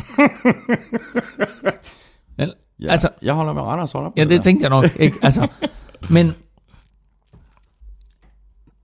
de besluttede sig for inden sæsonen at sige, her er han, den her unge quarterback, håbet. Øh, du ved, lidt ligesom den, den, den hvide bokser, ikke? Øh, siger, ah, her er han, the white hope. Ikke? Det her, det er så the black hope mm. i, øh, i, i Cleveland. Men han har ikke haft... Han spillede en rigtig god første kamp. Han var tæt på at slå Steelers i U1. Mm. Og der er folk jo helt op ringe. Her han, det er Sean Kaiser. Ikke? Så er det gået stille, stille og roligt ned ad bakke derfra. Ikke? Øh, og på et eller andet tidspunkt, når man har valgt at starte til Sean Kaiser, så må man også sige, jamen nu er nok nok. Ikke? Du ved, nu har han fået tæsk nok, nu har han lavet fejl nok, nu er vi nødt til at sige, godt, prøv at høre ven, du har gjort alt, hvad vi bedte om. Nu er du tilbage i træningslokalet, og, og se ting på tavlen, Det er ude på træningsbanen og se, hvad gør Kevin Hogan, hvad gør den glemte mand Cody Kessler. Ja. Ikke? Øh, men du er stadigvæk manden, vi håber på. Ja, fordi de kan ikke starte ham i næste uge. Jeg tror, Kevin Hogan starter. Nej, det ved jeg faktisk, fordi de har meldt ud Cleveland Browns. Okay, At- okay det er da Kevin Hogan noget. starter. Altså, ellers Ja. ville det simpelthen være, være Ja. at, at, at, at, gøre den her rookie quarterback Præcis. en, en bjørnetjeneste. Så Ja, ja. når nu starter Ja. jeg igen, jeg kan vide, jeg skal lige lave en fejl for meget, så bliver jeg herude igen. De starter Kevin Hogan, men øh, Deshaun Kais har jo selv ude at sige, jeg er her for at være den startende quarterback. Jeg spiller ikke fodbold for at sidde på bænken. Så har jeg også noteret, at uh, Miles Garrett uh, fik sin NFL-debut. Uh, han gjorde det godt med... med Synes du, han gjorde det godt? Ja, med et begrænset antal snaps, ikke? Prøv at høre, hans allerførste play i To NFL. sacks. Nej, ikke på det første play. Nej, han nej, fik ikke han to fik- sacks på det første play. Det gjorde han ikke, to Thomas. sacks på det begrænsede antal plays, han fik. Nå ikke? ja, men han fik ikke to sacks på det første play. Gjorde han ikke? Nej, det gjorde han. Men han fik på sit Er det breaking- aller... er det breaking Nej, news han fik på sit allerførste play en sack, og han spillede 17 plays i alt. Han spillede 17 plays. Mm. Det er nærmest ingenting. Og på de 17 plays, der havde han to sacks. Så er vi enige. Hvor dejligt. Superstar. Sådan der. On the rise. Og, det, Browns. og så vil jeg bare lige sige, Browns havde en, øh, en god draft i år. Det vidste vi på forhånd. Nu er Miles Garrett kommet ind. Hvis han kan fortsætte det her, han var nummer et overall. Hvis han kan fortsætte det her, så er han veritabel superstjerne. Og kan han fortsætte det her, det her, det var kamp 5. Hvis lige lægge mærke til, Joey Bosa spillede ikke de, de første fire kampe sidste mm. år, og endte stadigvæk med at blive Defensive Rookie of the Year. Miles Garrett, hvis han kan fortsætte det her, så lige nu, der står øh, det her Defensive Rookie of the Year, det står nok mellem ham og Tredavious White lige nu. Mm. Det kan godt være, at der er andre, der blander sig hen ad vejen, men altså, øh, det er i hvert fald et, et, et sådan en lille øh, ting, man kan holde øje med, hvordan de to de klarer sig resten af sæsonen. Øh, så David Njoku, tight end for Cleveland, var fantastisk i den her kamp, og har i det hele taget været en rigtig, rigtig positiv overraskelse for, for Cleveland Browns. Også draftet i første runde. Og så Jabril Peppers øh, har haft det svært til tider, men har faktisk leveret øh, ganske fornuftigt øh, den her øh, safety-linebacker, øh, som de, som de har draftet. Øh, så en, en fornem første runde, og så draftede de Sean Kaiser i anden runde. Så spændende at se, hvad der sker også med ham på den lange bane. Mm. Og Browns, de er øh, 0-5, De spiller ud mod øh, Texans. Jets er 3-2, og de tager imod divisionsrivalerne fra Patriots. Og øhm, hvis vi ikke var helt sikre på, at øh, Cam Newton han er tilbage i stor form efter forrige spillerunde, så må vi vel øh, være det nu, Claus. Øh, Panthers, de vandt med øh, 27-24 ud over Lions. Og, altså, spillede han ikke øh, fuldstændig overbevisende, Cam Newton?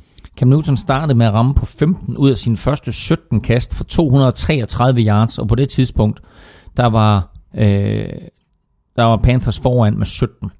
Øh, og så stillede han en lille bitte smule af, men altså ramte stadigvæk på, øh, på tre fjerdedel af sine kast. For anden uge i træk kaster han over 300 yards og tre touchdowns. Og så tænker man, at det er vel sket før. Nej, det er det faktisk ikke. To uger i træk med over 300 yards og tre touchdowns. Det er første gang Cam Er Newton det rigtigt? Ja, Nå, okay, Cam Newton. Okay. Ja, Cam Newton. Ja, ja. karriere, at, at han har gjort det Og en passer rating på 141,8. i de to kampe til sammen. Tæt på det perfekte. Ja. Øh, så det her, det er en Cam Newton, som i den grad ligner øh, 2015-udgaven. Og øh, coachingstaffen har også været ude at sige efterfølgende, at øh, Cam Newton øh, brugte lige de første tre kampe som sin preseason. Ja. Og nu her, der er han og angrebet øh, der, hvor de gerne vil være. Men skal lige huske på, at de har mistet Greg Olson til en, øh, til en skade, øh, brække benene, færdig for sæsonen. Æh, I hans fravær, der øh, har Ed Dixon altså etableret sig selv som Hallo. holdets Ja, bedste tight end, ja. og faktisk måske en, en rigtig, rigtig stor playmaker på tight end i hele ligaen. Det her, det var hans coming out party. Fem grebne bolde, 175 yards. Øh, og To, kæmpe, to kæmpe spil på nogle af fire, jeg tror 44 yards og 57 yards. Præcis, og det ene, det ene er, er, er øh, ham nærmest alene, som, som mm. hamrer igennem forsvaret, og den anden, der er han fuldstændig fri efter en god finte af Cam Newton. Øh, så øh, med de to receiver, Calvin Benjamin og David Funches, og, øh, og Ed Dixon, så har de altså nogle gode våben at lege med ned ad Plus, banen. plus Christian McCaffrey på running back. Plus Jonathan Stewart, du skal ja. ikke glemme nej, Jonathan nej, nej, Stewart. Så øh, det her, det er et, et angreb, som har fået præcis det, de håbede på i draften, nemlig en Christian McCaffrey, Ca- McCaffrey som supplerer de her andre spillere. Mm. Øh, og det så vi faktisk, synes jeg, her mod Lions for første gang i fuld flor. Hvad sker der med øh, Lions og især Matthew Stafford? Han kastede for, øh, tror han kastede for mm. under 100 yards i de tre første kvarter, så han, øh, du ved, det begynder at lugte lidt af det her Matthew Stafford og Lions øh, comeback til allersidst i fjerde kvarter. Men det virker som om, at, øh, at det kører en lille bitte smule på pumperne, det her Lions angreb. Kan du huske det billede, jeg viste dig af Y.A. Tittle? Mm-hmm. Det der, det var Matthew Stafford. den kamp her, han fik så mange pryl, og det er jo to uger i træk, at han har fået pryl nu. Han blev sækket seks gange af Vikings, og han blev sækket seks gange af Panthers. Øh, han fik så mange pryl. Han kom derfra med en blødende hånd og humpende fra banen. De to sidste touchdowns, eller de to touchdowns, han kaster i fjerde kvartal, øh, altså han kan nærmest ikke gå, men han er derinde, og han finder tid, og han rammer den rigtige receiver, og han scorer, og han bringer sit hold tilbage. Og det her er jo tæt på at være et af de der comebacks, som ja. vi så så mange ja. af i sidste år Præcis. fra Lions. Men der var de måske bagud med 10, eller måske max 14. Her der var de bagud med 17. Og det var bare lige tre point for mange. Det var bare lige en scoring for mange. Fordi de kommer tilbage, og der er cirka, jeg tror, der er tre et halvt minut igen, eller øh, omkring tre minutter igen. Og det tvinger altså Panthers til at skulle ud og lave en første down, for at Matthew Stafford han ikke får bolden igen. Ja. Hvad gør Cam Newton? Han siger, hey, Kelvin Benjamin, nu kaster til dig. Og så leverer han en, en kanonkugle til Kelvin Benjamin, som, som, som griber bolden og med sin store krop afskærmer forsvaret. Så er der første down til, øh, til Panthers, og så kan Lions ikke stoppe tiden længere, og så vinder de kampen med 3. 27-24 siger langt mindre om, hvor dominerende Panthers var i tre quarters, mm. øh, en, en, øh, en, en, en, en resultat ind i berettiger, fordi det her det var et Panthers-mandskab, der var virkelig, virkelig godt kørende, og så et Lions-mandskab, der bare, som vi har set så mange gange før, kom tilbage i fjerde quarter. Og Panthers, de er 4 og 1, og de øh, spiller et øh, brag af en Thursday night kamp hjemme mod Eagles. Den glæder mig rigtig, rigtig meget til at se. Og Lions, de er 3 og 2, og de skal til New Orleans og spille imod Saints. Øh, Klaus, har du set øh, filmen øh, Groundhog Day med øh, Bill Murray? Det har jeg. Du ved, hvor det bare det samme, det sker igen og igen og igen og igen. Og igen, og igen. Ja. Ved du, hvad vi skal tale om nu? Nej. For Niners. jeg har det fuldstændig. Og kender, kender ja. du det med at få sådan et papercut? Nej, men prøv at høre, hvad du, jeg tænker, at øh, jeg, har ikke, jeg har ikke været løbe her til morgen, så jeg tager lige en tur rundt om søerne, øh, mens du snakker for Niners. Og så kommer jeg tilbage. Jeg er sikker på, du, det talte vi faktisk om, før vi gik i gang, Claus. Jeg er sikker på, at Lukas Willumsen, han har et, et, et, et sted i sin regneark, hvor han har gjort op minutter, hvor meget vi har talt Vikings, og hvor meget vi har talt 49ers. Men vi skal tale om kampen, ikke? Og vi skal tale om kampen, og vi skal også tale om, fordi nu er jeg nødt til. Colts 49ers. Ja. 26-23 i overtime. Anden kamp i træk for 49ers, der ja. taber i overtime. Ja. Øh, jeg vil bare lige med det samme sige, at i mine øjne, den store øh, forskel i den her kamp, det var T.Y. Hilton for Colts. Store catches fra hans side. Øh, ja, det var det. Altså, øh, og så må vi sige, at så har vi måske også set øh, det, den kommende running back stjerne hos Coles, nemlig Marlon Mack, som øh, i overtime jo var med til at, at sætte den afgørende scoring op. Men... Øh, han, han laver det samme løb to gange kommer på ydersiden, og der sker et eller andet. Jeg, jeg tror, der er faldet brand ned i, i San Francisco i, efter den her kamp, når de har set, øh, når de har set tape på den her kamp, fordi der, der går et eller andet helt galt. Og det er det samme, der går galt på den begge to. Ikke? Man snakker altid om det, der hedder contain, at man skal øh, bevare en position på ydersiden, sådan så en running back ikke kan komme ud på ydersiden, men er tvunget til at løbe op igennem midten, øh, hvor man jo så har forsvarsspillere, der står og venter på ham og kan hjælpe med at lave taklingen. To gange kommer Marlon Mack rundt om contain. Der er ikke noget contain for 49ers og dermed kommer han ud på sidelinjen, og så viser han bare god fart i stængerne. Øh, den ene gang scorer han touchdown, den anden gang der sætter han øh, det afgørende field goal op. Øh, men ja, T.Y. Hilton havde en spektakulær kamp, men du har ikke en spektakulær kamp som receiver, uden at din quarterback leverer.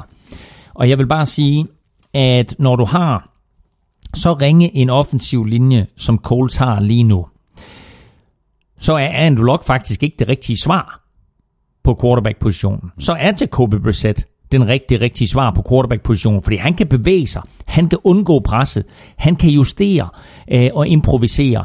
Og det gjorde han rigtig mange gange i løbet af den her kamp. Og jeg må bare tage hatten af for Jacob Brissett og sige, Colts havde ikke vundet to kampe på nuværende, eller er det tre kampe, de har vundet på nuværende tidspunkt, uden Jacob Brissett. Nej, de har vundet to kampe. To kampe, ja. ikke? Øh, altså, jeg var imponeret over, over ham i den her kamp, og øh, en lille smule skuffet over Fort Niners forsvar, men jeg må bare sige, altså han er en playmaker, og han fik ting til at ske, og det gjorde han i løbet af kampen. Så kommer Brian Højer med et vanvittigt comeback jo, øh, og får den her kamp øh, taget i overtime, øh, hvor, øh, hvor altså, og der vil jeg lige sige, de nye overtidsregler, som blev indført for, for mange, altså ikke de nye med 10 minutter, men de nye overtidsregler med, at man øh, kun kan vinde på et touchdown på sit første drive, ikke på et field goal. Altså, de kom faktisk til Ja. sin ret Ja, i gjorde den de. her Ja, kamp, gjorde de. fordi Coles kommer ned på omkring 10'ert-linjen på et langt kast mm. til T.Y. Hilton. Og i gamle dage, fint nok, ind med din field goal kicker, spark, bum, færdig, kampen afgjort, nu tager vi hjem. Her, der står de på 10'ert-linjen og siger, de, jamen vi kan ikke nøjes med at sparke et field goal på vores første drive, fordi så giver vi Fort Niners bolden tilbage. Så Jacob Brissett er nødt til at gå efter det. Og så kaster han ind i endzonen, hvor Ray Ray Armstrong griber bolden, intercepter, mm. Og løber den tilbage, og er jo forsvindende tæt på ja, at kunne returnere den der, Hele vejen. kunne returnere den der øh, til, til, til touchdown, ikke? Og så havde det faktisk været Fort Niners, der havde vundet. Nu får Fort Niners bolden, kan ikke rigtig gøre noget med Tre den. ud. Tre er ud, kan ikke gøre noget med den, nødt til at ponde. Og så kommer det lange løb fra Marlon Mack, mm. som så bringer dem i field goal position, og så sparker det field goal. Hvem har de til at sparke field goals? Manden, der aldrig misser, Adam Vinatieri. Mm. Det var hans tiende field goal i overtime som game winner. Og dermed så er han den spiller i NFL's historie, der har leveret flest game winners i overtime. Med nummer 10, så lægger han sig alene i spidsen. Før der var han i en lille gruppe på fem personer, der havde sparket ni field goals som, som uh, game winners i overtime. Jason Elam kender du. Mm. Jason Hansen kender du. Steve Christie, gammel Buffalo Bills spiller kender du. Og så Jim Breach, som spillede for Cincinnati Bengals i rigtig mange år, øh, har du måske også hørt om. Men de fire havde ni. Nu er Adam Vinatieri alene i spidsen med 10 game-winning field goals i overtime. Endnu en indikation af, at han er 100% sikker på at komme ind ad den dør, som Morten Andersen har åbnet nu, for kicker til at komme i Hall of Fame. Præcis. Sidste lille note, det er, at øh, 49ers de nu har tabt øh, fire kampe i træk med tre point eller færre. Det er kun sket én gang tidligere i Super Bowl-æren, Nå, at et hold har tabt fire kampe i træk ja, med 11 point. okay. Jeg ved ikke, hvem... hvem... Houston Oilers Sejt. tilbage i øh, 1994, ja. så øh, ja, det er jo en træls- Okay, og, det prøv, er en og, nu, tager, nu, tager jeg, nu tager jeg lidt pis på dig altid, men det er vildt. De har tabt fire kampe i træk med 11 point, to af dem i overtime. Øh, de er meget, meget tæt på. Ja. Men både i den kamp mod Rams og i den her kamp mod, øh, mod Coles, det kan jo ikke nytte noget, at Brian Hoyer skal til at lave et i- vanvittigt comeback nej, til og, sidst. Og først i fjerde kvartal. Præcis. Ja, det virker, det virker en lille bitte smule mærkeligt. Ja. At, øh, der, der, der, der sker et eller andet der også med, med, med play calling og så videre.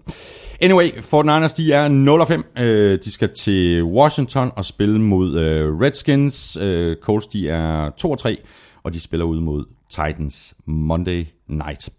Og så videre til øh, Dolphins, der vandt hjemme over Titans med 16-10, øh, og det var jo ikke lige frem, fordi det var to øh, sprudende angreb, vi fik at se. Øh, Titans var uden Marcus Mariota, og Jay Cutler, han kunne øh, intet i de første tre quarters, øh, hvilket så også fik øh, hjemmepublikummet til at boo, we Nej, want og de buede jo ikke. De råbte bare, we, we, we want, want more. we want more!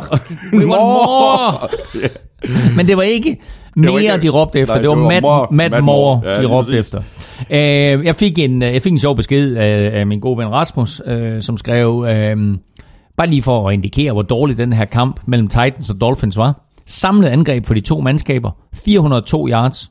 Samlet punt for de to mandskaber, 1017. og det er der, vi stiller spørgsmålet, hvorfor kan man ikke score på punt? Så havde det nemlig været en sjov så kamp. havde det været en fed kamp. Jamen, øh, Men prøv at høre, okay, Ti- han, han, han fik skruet et, et angreb sammen til, allersidst, ikke? Så lykkedes det. han var så ringe. Ja, Han det var han. så ringe. Ja, det var han. Og så får han på en eller anden mystisk måde skruet et angreb sammen til sidst, og, og rammer sin store receiver, Jav- Jarvis Landry. Ikke stor fysisk egenskab, men, øh, men stor i, i, i evne på en fodboldbane. Øh, og så vinder de 16-10. Og det her, det, altså det er jo så rystende ringe spil. Og i, i, faktisk vil jeg sige med hele den her spillerunde, vi er inde i femte spillerunde af årets NFL-sæson. Okay, det er spændende. 10 ud af de 14 kampe, fire holder sig over, der var 14 kampe, 10 ud af de 14 kampe bliver afgjort med 6 point eller færre. Det er faktisk flest overhovedet i NFL's historie. Det er så tangeret med andre weekender, hvor der også har været 10 ud af 14, men der har aldrig været mere end 10 ud af 14 med 6 point eller færre øh, i afgørelse. Det vidner om jævnbyrdighed, det vidner om spændende kampe, det vidner om det, som NFL gerne vil have, nemlig at tilskuerne bliver holdt på, på kanten af sædet og siger, ej, hvem vinder den her kamp? Men når det så er sagt, der var elendig fodbold i rigtig det var der bare. mange kampe. Og det har vi været vant til to eller tre uger ind i sæsonen. Holdene skal lige finde sig selv, og så begynder det sådan at fungere. Men vi er i femte spilleuge, og der var så meget elendig fodbold. Og den her kamp var den værste af dem alle sammen. Det var den bare. Titans mod Dolphins. Jeg gider næsten ikke snakke mere om den, andet at sige, Titans er uden Marcus Mariota. Matt Castle er en undskyldning for en quarterback. Og Jay Cutler var freaking elendig, og deres løbeangreb fungerer ikke, og Jay Ajayi er helt væk. Ja, og deres offensive linje er helt væk. Jamen, øh, og det er jo derfor, det, og det er jo altså, der, meget, der er meget af det, der hænger sammen, ikke? Altså, deres offensive linje er helt væk, dermed så fungerer Ajayi ikke, dermed så fungerer Jay Cutler ikke. Mm. Han har ellers nogle fine våben at lege med, ja. men så panikker han, og så kaster han nogle horrible kast. Det her, det var to meget dårlige mandskaber, der mødtes. Det var et Titans-mandskab, som for få uger siden øh, så ud til, den her AFC South, den napper vi.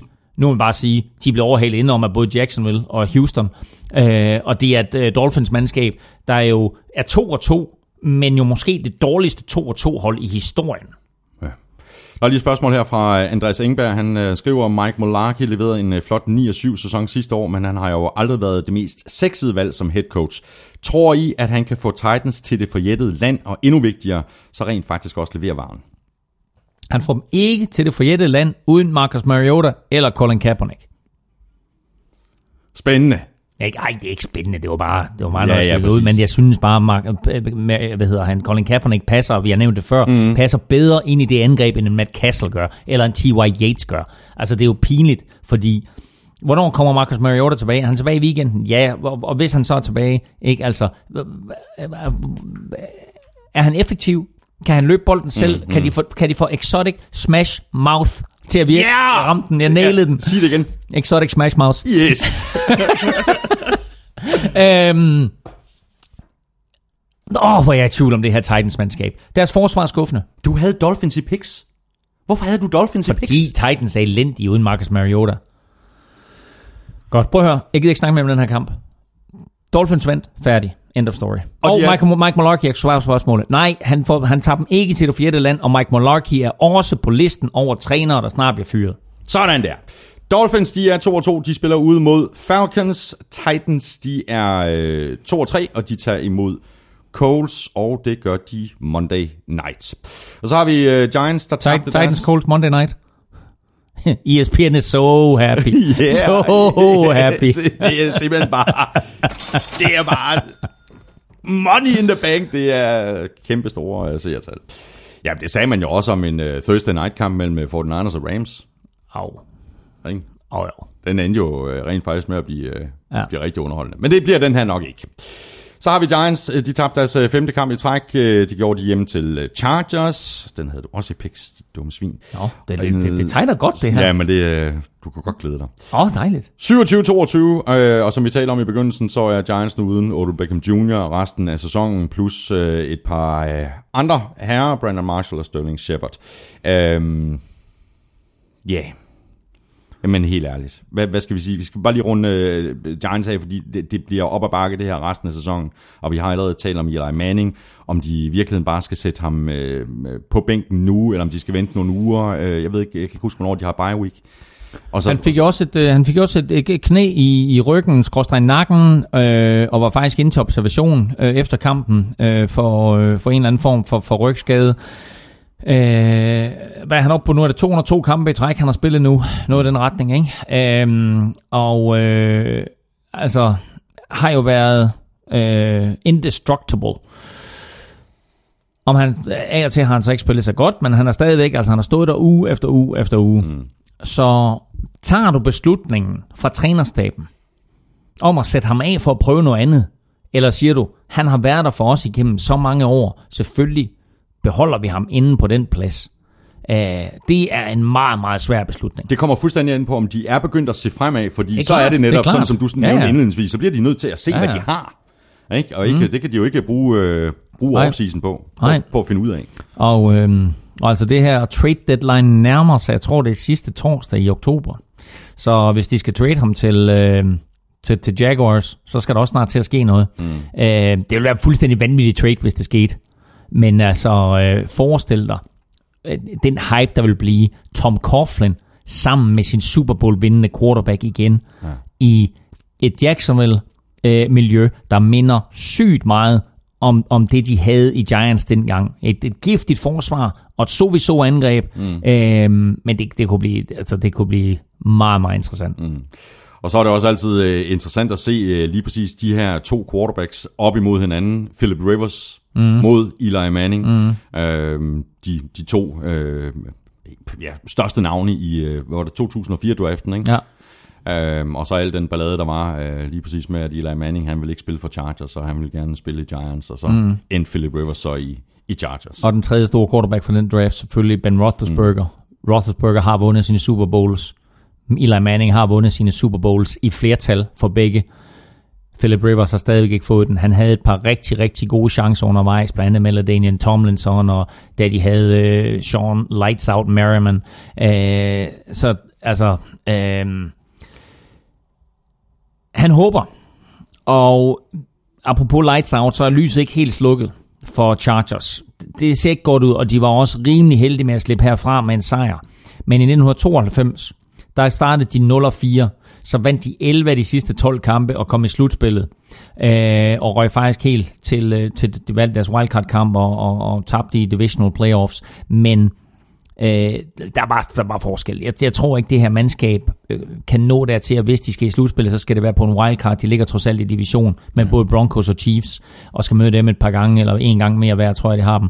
Øh, så, så det, er, det, det, det er svært for Chargers, og det er svært for Philip Rivers. Øh, og det må siges også at være et skuffende år for, for, for Chargers, for vi har forventet så meget af dem. Mm. En spiller, man måske kan fremhæve fra Chargers, det er Melvin Gordon. Ja. Lækker spiller at se på. Lækker stiff arm, han lavede. Jeg kan ikke huske, hvem han lavede den på, men mm. Det er fremragende. Ja, og, og, og lidt vildt med Melvin Gordon, fordi så forsvinder han i nogle kampe, og, eller nogle uger, og så kommer han tilbage, og så den her kamp, ikke? og så har han over 100 yards rushing og griber to touchdowns. Øh, så altså en, en, en vild kamp af ham. Øh, faktisk den bedste af ham øh, hele sæsonen. Mm. Øh, og det er klart, at, at hvis Chargers skal bruge det her positivt og forvente sæsonen rundt, så skal han være en af de spillere, der stepper op. Men det skal Philip Rivers også. På mit momentometer i sidste uge, der skrev jeg, øh, den ene uge, der starter Philip Rivers med en interception. Den næste uge, der starter han med en fumble. Hvad finder han på i den her uge? I den her uge, der starter han med at blive sækket i endzonen for... Ah, det passer, han blev faktisk ikke sækket, men han, han lavede en safety i endzonen. Mm. Han skubbede bolden ud af endzonen efter et dårligt snap. Så de prøver uge efter uge Chargers på at finde måder at tabe kampe på. Ja, det går meget godt. Det går virkelig godt. Ikke? Og det var kun fordi Giants var bedre til at finde måder at tabe kampe på, at det lykkedes for Chargers at få en sejr. Mm. Øh, så der, der, der, der, skal, der skal... Fordi Rivers kaster også en eller anden vanvittig interception og sådan noget. Ikke? Altså, og det er fejl, som spiller af hans position øh, ikke quarterback-position, men, men den, øh, den position, han har i Chargers-organisationen, der må han ikke lave den slags fejl. Det er ham, alle de andre skal læne sig op af og så sige, du er vores quarterback. Du er den mest erfarne på det her hold. Det er dig, der skal tage, tage os til det forjættede land. Ikke? Bær os. Bær os. Tag os med. Ikke? Altså, og, og det har han ikke gjort. Så jeg synes meget af det her, meget af den her start, af sæsonens skuffende start, hænger på, øh, på Philip Rivers. Og så hænger den på en spiller, og der må være en eller anden joke bygget ind her. Men den hænger på en spiller, som ikke længere er i klubben. Han er nemlig fyret. Fordi Young Ho kunne ikke få den op mellem stingerne. jeg lader den ligge der. Jeg lader den ligge der. du lader den hænge. Du lader den hænge. men, men, øh, men Young Wei Koo er blevet fyret. Og dermed har de jo så hævet ny kicker ind. Øh, og Nick Novak spillede her i sin første kamp, øh, og øh, gjorde det nogenlunde. Mm. Øh, han havde et enkelt mis, men udover det, så, øh, så, var han, så var han ganske udmærket. Øh, så, så det her, det er et hold, der nu skal finde sig selv. Nu skal de tage den her sejr, og så skal de sige, fint, vi var 0-4, nu er vi 1-4, så starter vi herfra, fordi de har talentet. De kunne sagtens have været 3 og 4, men var det ikke det, eller, hvad hedder det, 3 og 2. Mm. Øh, det var det samme, vi sagde sidste år. De kunne ja. være 7-0. Ja. Ikke? Men det synes jeg bare, de, jeg synes faktisk, de var mere overbevisende sidste år, hvor, hvor altså, der var der bare hjerneblødning på hjerneblødning, og det synes jeg alligevel ikke helt, at, og jeg synes Rivers spillede bedre sidste år. Altså, hvad, det gjorde han også. Kom, completer 21 44 ja. i, i, ja. i den her kamp, ikke? Ja. Det er ikke godt nok. Nej, øhm, og, og som sagt, så var der altså nogle øh, horrible beslutninger imellem, men, øh, men nu vinder de, og de vinder 27-22, og øh, det er alt, der skal siges om det. Giants er færdige for i år. Bum. Chargers har med sejren her, der har de givet nyt, nyt håb, nyt liv. Ja, præcis. Chargers er 1 og 4 og spiller en interessant uh, kamp i weekenden. De skal til Oakland og spille mod Raiders. Giants er 0 og 5. Uh, og, de... og lad os bare lige, bare lige, altså nu, jeg lukker af hurtigt her, men det her det er en gylden mulighed for at blive 2 og 4. Ja, det er de møder et Raiders-mandskab, som med stor sandsynlighed igen er uden Derek Carr, og selvom de har Derek Carr, så er det ikke et godt Raiders-mandskab. Så kan de blive 2 og 4. Vigtig sejr inden for divisionen. Ja. Ikke? Så er vi videre. Jeg skal lige nævne, at uh, Giants de uh, kommer i hvert fald ikke på den uh, letteste opgave i den kommende uge. De spiller nemlig ude mod Broncos. go! Ugen spiller præsenteres af Tafel. Jeps, uh, Claus Elming, det er blevet uh, chipstid. Det er ugens uh, spillertid, og vi skal have sendt nogle uh, tafelchips uh, afsted. Vi smed uh, tre navne på Twitter i uh, tirsdags. Cam Newton, Carson Wentz og Jaguars defense. Du smed den faktisk også på Twitter, gjorde du ikke? Jo, og øh, Jaguars defense var overlegne. Det var de også her, hos, uh, her på mailen. Ja, 64 procent fik Jaguars defense. Og hvordan øh, gik det med de to andre, kan du huske det? Nej, ikke rigtigt, men jeg tror, det var fire. Altså, det, det var, der, øh, Carson Wentz var en del foran Cam Newton. Okay, jamen øh, det er fuldstændig øh, samme fordeling øh, på mailen. Øh, Jaguars defense øh, fik 62% af stemmerne, og Carsten Wentz øh, fik 21%. Der er rigtig, rigtig mange, der har skrevet Carsten Wentz. Selvfølgelig. Det var. Carsten, det var Carsten, var Carsten i weekenden. præcis. Ja. Og så øh, Cam Newton, han fik øh, 17 øh, procent. Så har du faktisk også fået en, øh, en stemme, øh, Claus. Øh, Ja. Sådan lidt ud af det blå, synes jeg. Ja, det synes jeg også. Ja. Øhm, øh, Jørgen Halgaard har sendt en mail, hvor der står, øh, Claus Elming er ugens spiller. Ingen andre formår at have så stor indvi- indvirkning på så mange kampe. Stop så med at jinxe Bears. Ah, det skulle jeg, det var Vikings jo. Sådan. Øj, Åh, oh, nu, nu Sådan bliver der. Ja, Sådan ja. der, godt. sådan der. Ja. Vi skal have fundet en, øh, en er vinder, øh, Claus Elming. Det er helt vildt. Det er bliver, der jo- flere, det bliver der flere og flere uger for uge, det her. Det gør det ikke det? Jo, det gør det. Man er, man er sindssygt heldig, hvis man øh, bliver Det udtrukket. tror vi ud. Så der er en her, som ikke har fået noget i den forgangne uge. Der kan blive ud her. Spørgsmålet er, om vi får en, øh, en ny dialekt på banen i den her uge. Øhm. Jamen, det kunne godt være, fordi jeg kan da se, det er det er der helt ude i Westå, det her. Øh, vi, skal, vi skal op til Torsø. Øh, Nej. 88, 88, 88, 81. Og øh, Tal man sådan i Torsø. jeg tror, jeg tror at man taler sådan her ude i Torsø. Så, nu går der drengene fra en gård i den Ja. Tillykke for Henrik Solgaard. Nej, jeg kan, jeg godt tælle dig, det er, det er simpelthen en fyr ude fra Torsø, der hedder Jan Vestergaard. Øh, og det er med enkelt B, men det udtales Vestergaard. så Jan Vestergaard, han er, han er ugens vinder. Han har sagt Jaguars de. Jeg har, spørgsmål. Jeg, jeg, har, jeg har faktisk på fornemmelsen, at når vi når til Bornholm eller noget, så, så kommer de også til at tale. Der så kommer de også til. Jamen det er fordi, uh, ham over fra Bornholm, han kommer oprindeligt fra Torsø. Stort tillykke til dig, øh, Jan Vestergaard. Øh, Nå, hvad, det er meget sjovt, hvad han har skrevet. Øh, Jaguars defense, parentes, eller alle andre end Big Ben. Jan Vestergaard, der kommer øh, tips øh, din øh, vej, og til alle andre, så er der en ny chance i næste uge for at vinde en kasse med øh, taffelchips. Øh, tjek NFL-showet på Twitter hver øh, tirsdag, hvor Elming og jeg nominerer tre spillere. Så stemmer du på din favorit på mailsnabla.nflshow.dk ved at skrive dit bud i emnelinjen. Og i selve mailen, der skriver du så dit navn og adresse. Når du har gjort det, så er du med i den her lodtrækning om 8 poser chips fra Tafel. Og så er det direkte tilbage til øh, kampene. Eagles, de vandt øh, overbevisende med 34-7 over Cardinals. Øh, og den her kamp, den var vel mere eller mindre afgjort i første kvartal, hvor øh, Carsten Wentz, han kastede øh, tre touchdowns og to incompletions. Ja, han kastede flere touchdowns i første er end han vildt, kastede in- incompletions. Og det var, som jeg nævnte lige før, så var det jo Karsten mod Karsten. Tænk sig, der er 32 quarterbacks. 32 startende quarterbacks i NFL, og to af dem hedder Karsten. Det er vildt. Ikke? Altså, det er vildt. De mødtes i weekenden. Carsten Wentz og øh, Carsten Palmer. Og øh, det her, det blev Carsten Wentz's coming out party. Øh, nok har vi alle sammen vidst, nærmest fra dag 1, at han havde et. Fra dag 1, at han havde et. Øh, men den her kamp, der var han exceptionel. Øh, kaster tre touchdowns i første kvartal. Han har ikke i en kamp indtil videre i sin 20-kamp øh, gamle karriere kastet mere end to touchdowns på noget tidspunkt i en hel kamp.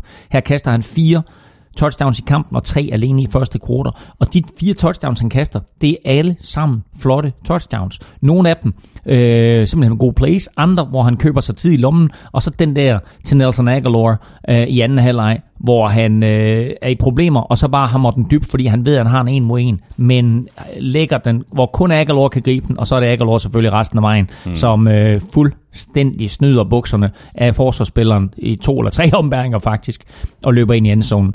Det her blev en 34-7 sejr til Eagles, og det var Carson Wentz's coming out party, men det var også en markering af, at det her Eagles-mandskab er- er gode, og har sat sit aftryk allerede nu på NFC East og sagt til Giants, til Cowboys og måske også især til Redskins, at I skal forbi os, hvis I skal vinde den her division.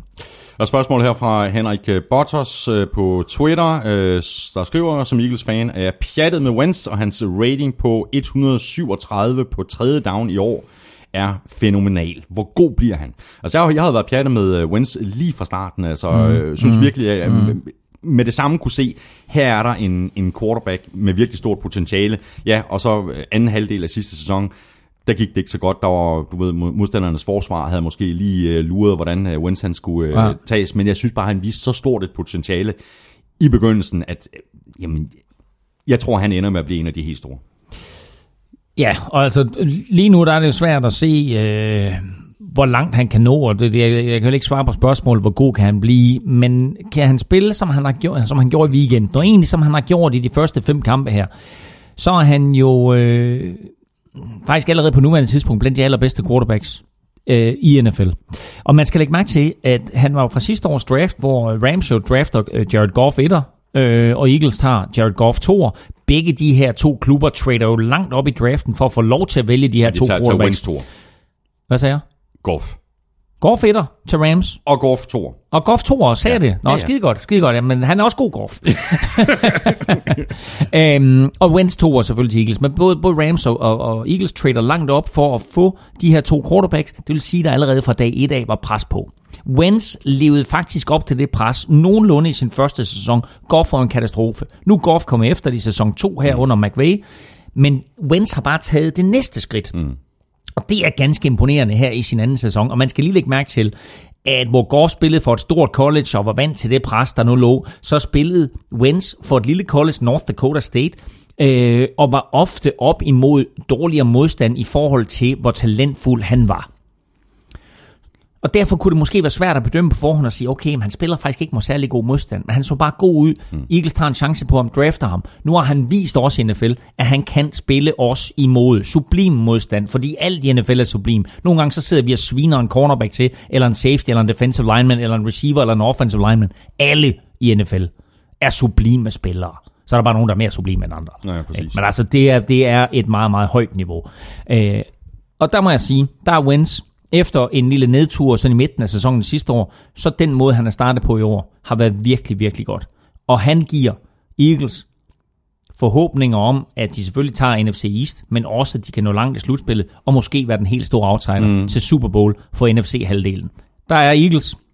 Hvis du tager, min top 3 kommer vi til lidt senere på, øh, på mit momentometer. Øh, Chiefs ligger selvfølgelig øverst, øh, men så ligger Packers der i, i top 5, så har du Eagles, og så er du nødt til også at nævne Seahawks. Øh, lige nu nok de tre mandskaber, øh, som på papiret af, af de tre hold, som man skal holde øje med i NFC-slutspillet. Og øh, Eagles kan altså godt gå hen og drille nogle af de der, fordi de ud over Wentz også har et godt forsvar. Mm. Jeg er fuldstændig enig. Så lad os lige øh, tale om den anden øh, Carsten, nemlig øh, Parma, Parmer, der jo nærmest ligger mere ned på ryggen, end han, han står op og kaster bolde i øjeblikket. Øh, han blev ramt 10 gange i den her kamp, og jeg forstår simpelthen ikke, at Bruce Arians... Øh, hvorfor smider du ikke en mand mere ind til pass protection? Altså, det, øh, det, det virker som om, han bare nægter det. Og det, og det, er, jo, det er jo Carsten, der betaler prisen, ikke? Ja, og det er, det er lidt ærgerligt også, fordi øh, Carsten Palmer er faktisk god, når han får tid. Altså, når han får tid i lommen, og han ikke skal bevæge sig, man kan stå derinde, så er han faktisk god, og så finder han ofte en receiver. Og de receiver, han har løbet ned ad banen, altså du har en Larry Fitzgerald, som griber alt, der kommer i nærheden af ham, så har han John Brown og Jerome Brown og et par stykker andre, som, som faktisk er okay receiver. Så giver du Carsten Palmer tid, så leverer han også. Men problemet er, at han ikke har tid. Og problemet er, at han er ikke en Russell Wilson eller en Jacoby Brissett, som lige løber væk fra presset, og så øh, improviserer og så kaster en eller anden bold. Carsten Palmer, han skal stå fuldstændig uberørt og føle sig tryg ind i lommen, og så kan han levere. Og det gav Eagles ham på ingen måder, og det gav den offensive linje ham på ingen måder. Claus Elming, øh, Vi talte om det i sidste uge. Vi talte om det i forrige uge. Øhm, det her campfire-segment. Og der er flere, der har skrevet på mailen. Der er flere, der har tweetet. Blandt andre Morten Jørgensen, der skriver, Hej hvad bliver du egentlig af jeres campfire-segment? Det spørger jeg også om, Emil. Ja. Hvad bliver der af det? Og ved du hvad? Skal vi tage den nu? Jamen, ved du hvad, lad os gøre det, fordi det her det er faktisk et helt, helt igennem perfekt tidspunkt. Cardinals mod Eagles. Prøv lige, jeg skal lige sætte den på. Sådan. 15. oktober 2000. En lille tv-station ser dagens lys. Den hedder TV2 Zulu. Det første store program, som den her nye unge tv-kanal lægger ud med, det er den britiske film Det er bare mænd. Og umiddelbart efter det, der sidder der to unge, måske knap så unge, fyre ved mikrofonen. Den ene hedder Jimmy Bøjgaard, den anden hedder Claus Elming. Og Jimmy Bøjgaard åbner med at sige, God aften mine damer og herrer, og velkommen til den første grundspilskamp nogensinde på dansk tv. Her på TV2 Zulu er vi stolte over at kunne præsentere kampen mellem Arizona Cardinals og Philadelphia Eagles. Åh, oh, det var godt ramt, det her. Og øh, så sad vi og kommenterede den kamp. Og det var uden studie. Det her, det var det, man kalder off-tube. Det vil sige, vi sad i øh, en lille boks på sådan cirka 2,5 kvadratmeter med et par 14-tommer skærme foran os. Hørebøffer på, ligesom vi to har nu. Mm. Og så sad vi og kommenterede den der kamp. Men udfordringen var, at det signal, vi fik fra USA, det var det rå signal. Det vil sige, når der var reklamepauser, så blev der ikke lavet en eller anden form for beauty shot. Så sad de amerikanske tv-stationer, så sad de og legede med signalet, sådan sagde, om den her slå skal vi have på nu. Så sad de og prøvetegnede og lavede alt muligt. Og det var umuligt for os at kommentere på. Så der var den ene uge i en off-tube-box. Og så var der Jimmy og jeg, og så var der den tredje mand i det her lille triumvirat, som startede NFL på Zulu og NFL i Danmark, som vi kender det nu. Nemlig en fyr, der hed Mads Kruse. Mm. Og Mads Kruse, han gik til ledelsen på TV2, så sagde han, det her, det kan vi ikke. Lad os lave et studie. Lad os lave et NFL-show, i stedet for bare en NFL-kommentering. Ja, ja, præcis. God Og så- gamle Mads Grus, der bor i USA opfandt, nu. så, der bor i USA nu. Og så opfandt Mads hele det her med quiz, musikvideoer, spørgsmål fra folk, etc. Alle de elementer, som gjorde, at NFL på Zulu startede med at have ganske få seere, til at vi jo til sidst havde mange, mange tusind seere. Og til at der er mange, der sidder og lytter til NFL-showet i dag, mm. som jo måske fik deres NFL-begyndelse dengang. Og måske en dag er der nogen, der sidder og lytter med nu, hvis far fik der sin NFL-begyndelse på det Ja, så tidspunkt. lang tid er det ved at være siden. Præcis. Er det crazy.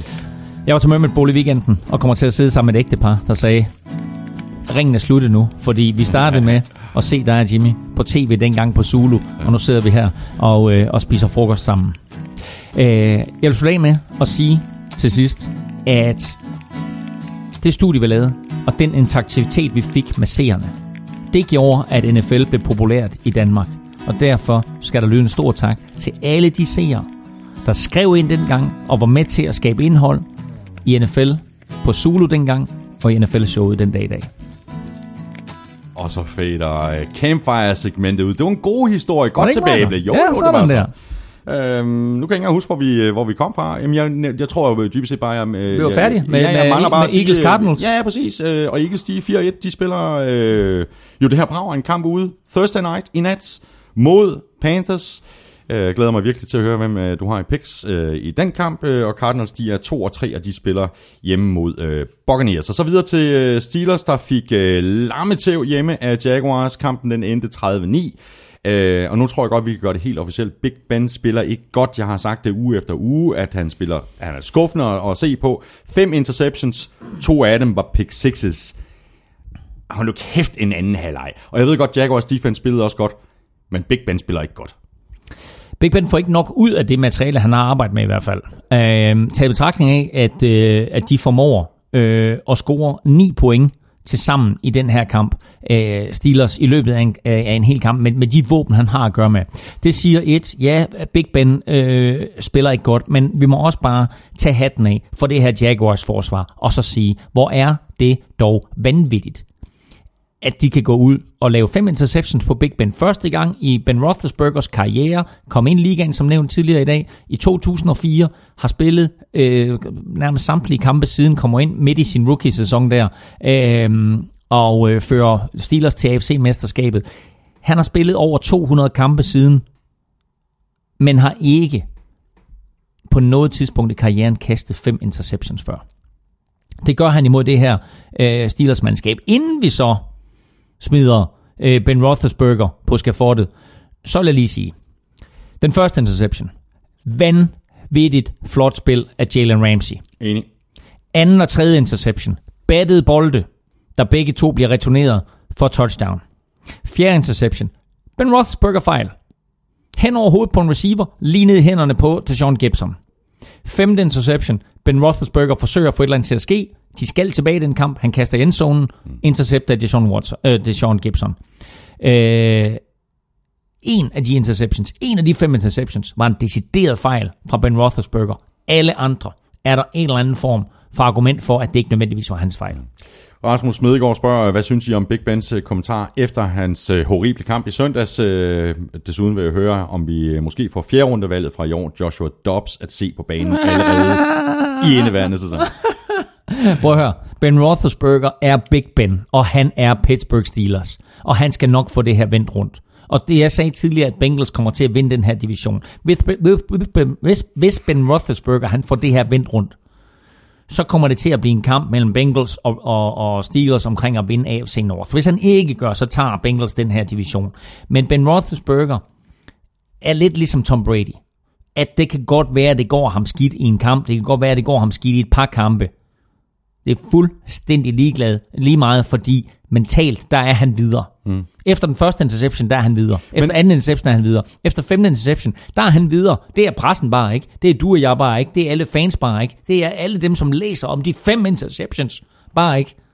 Ben Roethlisberger, han er videre. Han mm. tænker, næste kamp. Men spørgsmålet er, om han er videre, fordi han, det var lige præcis det, som øh, Rasmus Smedegaard refererer til, i forhold til det, som Big Ben siger på det her pressemøde. Jamen, måske har jeg det ikke i mig længere. Ja, men det, altså, prøv, at, det, var, det var ikke engang på et pressemøde. Det var i omklædningsrummet bagefter. Der står 18 mikrofoner rundt om ham, og alle vil bare høre et eller andet. Og så siger han bare det der, måske har jeg det bare ikke længere. Ikke? Men det var, det, det, det, det var ord, der nærmest blev lagt i munden på ham. Jeg giver ikke en bjælle for det. Det var bare ham, som du ved, var, var sådan lidt kort for, for munden, og så siger, prøv at høre, lad mig slippe ud af det her, ikke du ved. Nu siger jeg, hvad jeg vil have, og så går jeg. Prøv at høre, Big Ben er Big Ben, og Big Ben er Pittsburgh Steelers. Mm. Men vi kan godt blive enige om, at øh, hvis vi også ser tilbage på forrige år, øh, på udebane, mm. der spillede Steelers og Big Ben jammerligt. Mm. Stort set alle udekampe. Nu præsterer de sådan her på, på, på hjemmebane. Mm. Hvis Big Ben skal være Big Ben, og Big Ben han skal redde Steelers i den her sæson, mm. så skal det til at være. Fordi det er jo ikke våbnene, han mangler. Vi har talt om øh, en af de bedste wide receiver duoer i ligaen. Hvor lang tid er der spillet den her sæson? Ja, fem uger. Ja, hvad er Steelers? Ja, hvad er de? 3-2, ikke? Ja. ja. Hvad, er, hvad er alle de andre hold i den her division? De er ikke 3-2. De fører stadigvæk. Tag det roligt. Ikke? Altså, jeg ved godt, at det her det er ordene fra en anden quarterback. Men R-E-L-A-X. Relax. Ikke? Steelers skal nok komme igen. Roethlisberger skal nok komme igen. Men jeg glæder mig til at se down the stretch, til at se i december, hvad sker der med Bengals og Steelers. Det bliver spændende. Mm. Så lad os lige tale øh, Jaguars. Øh, vi har talt deres øh, forsvar, men vi bliver også nødt til at tale øh, lidt angreb. Øh, Leonard Fournette. Præcis lidt angreb. Det, Ja. det er præcis, hvad de har. Men det er der, vi skal tale øh, Leonard Fournette, ikke? 28 løb for 181 yards og to touchdowns. Prøv lige at forestille dig Leonard Fournette i et angreb, altså for et hold, mm. hvor headcoachen ikke er tvunget til at forsøge at gemme quarterbacken af vejen. Mm. Men lad mig lige, inden du kommer for godt i gang. Jeg er færdig. Godt, lad Det var lige... faktisk det, jeg vil sige. Fint, godt, godt. Tak for i dag. ja, Øh, det var hyggeligt. hvis det sidste løb for Leonard Fournette, det er på 90 yards og touchdown.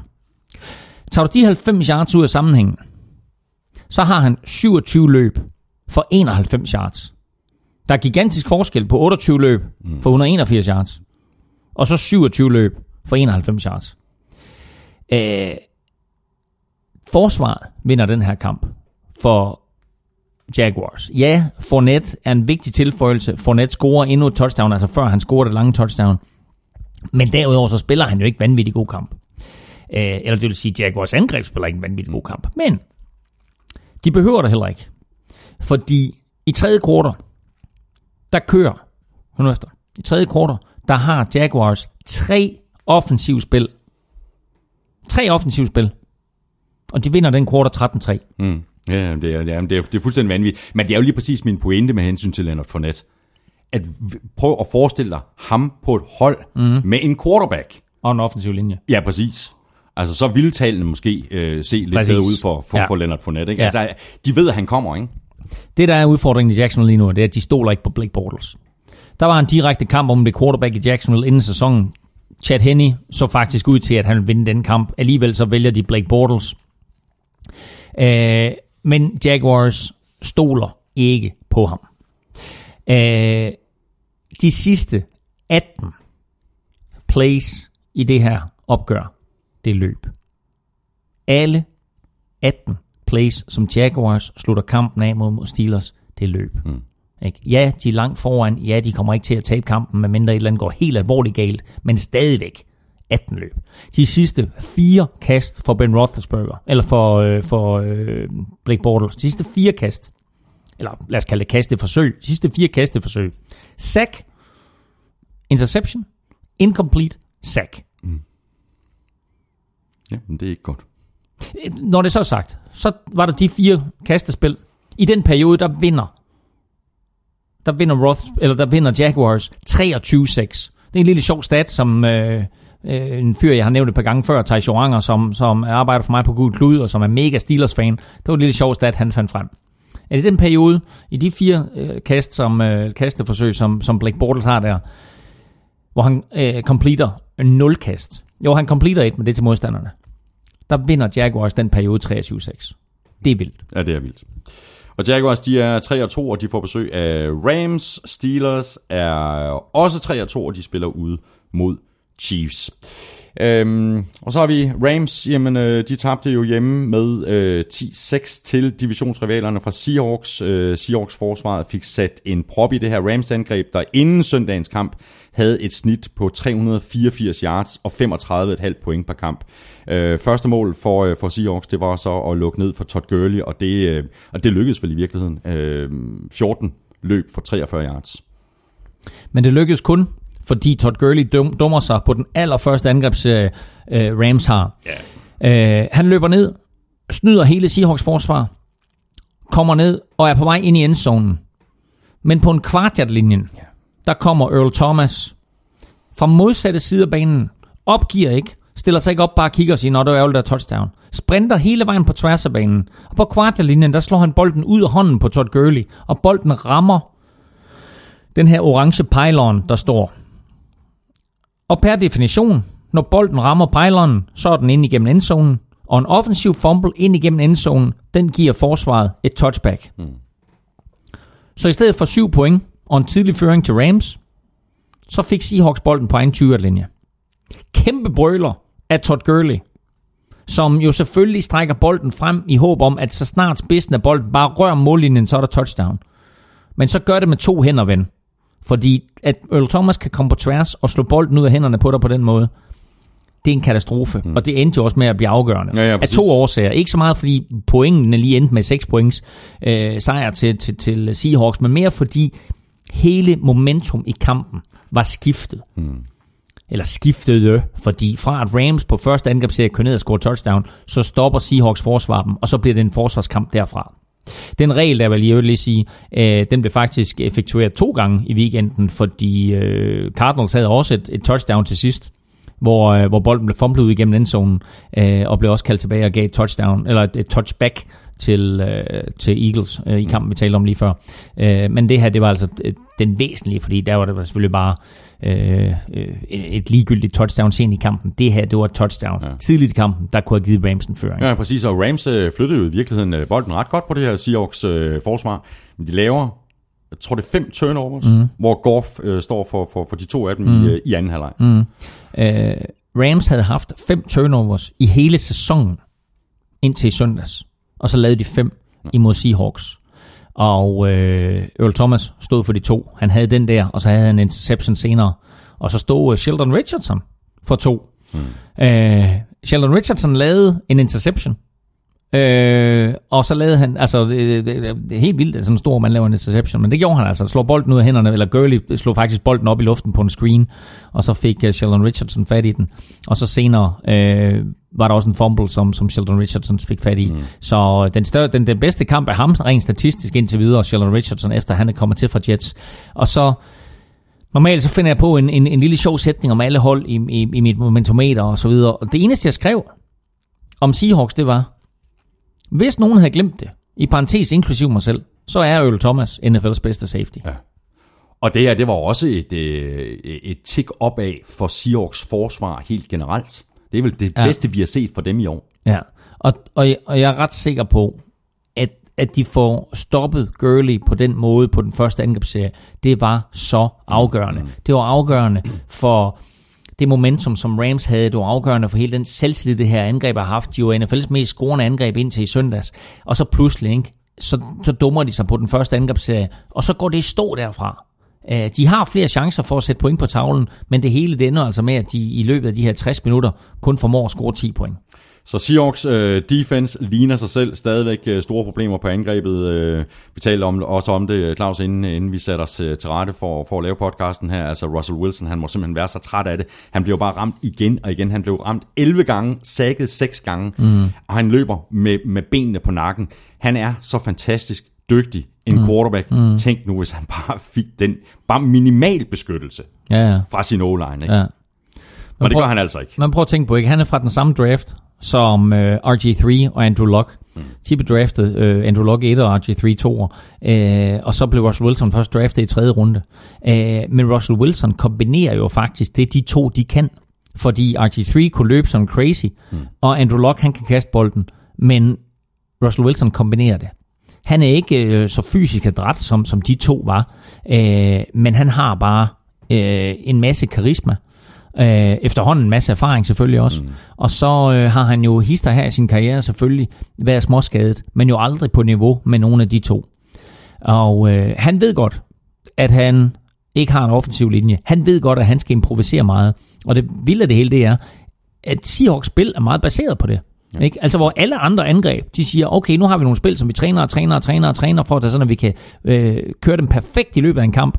Halvdelen af de spil, hvis ikke mere, som øh, Seahawks, de træner i hvert fald øh, kastemæssigt, det ender med en eller anden form for Russell Wilson improvisation. Ja, ja, det gør. Øh, og han er uhyggelig effektiv. Ja, er. Så øh, altså, når vi snakker de bedste quarterbacks i NFL, man er nødt til Wilson. at snakke Russell Wilson, ja. selvom han ikke er din prototype.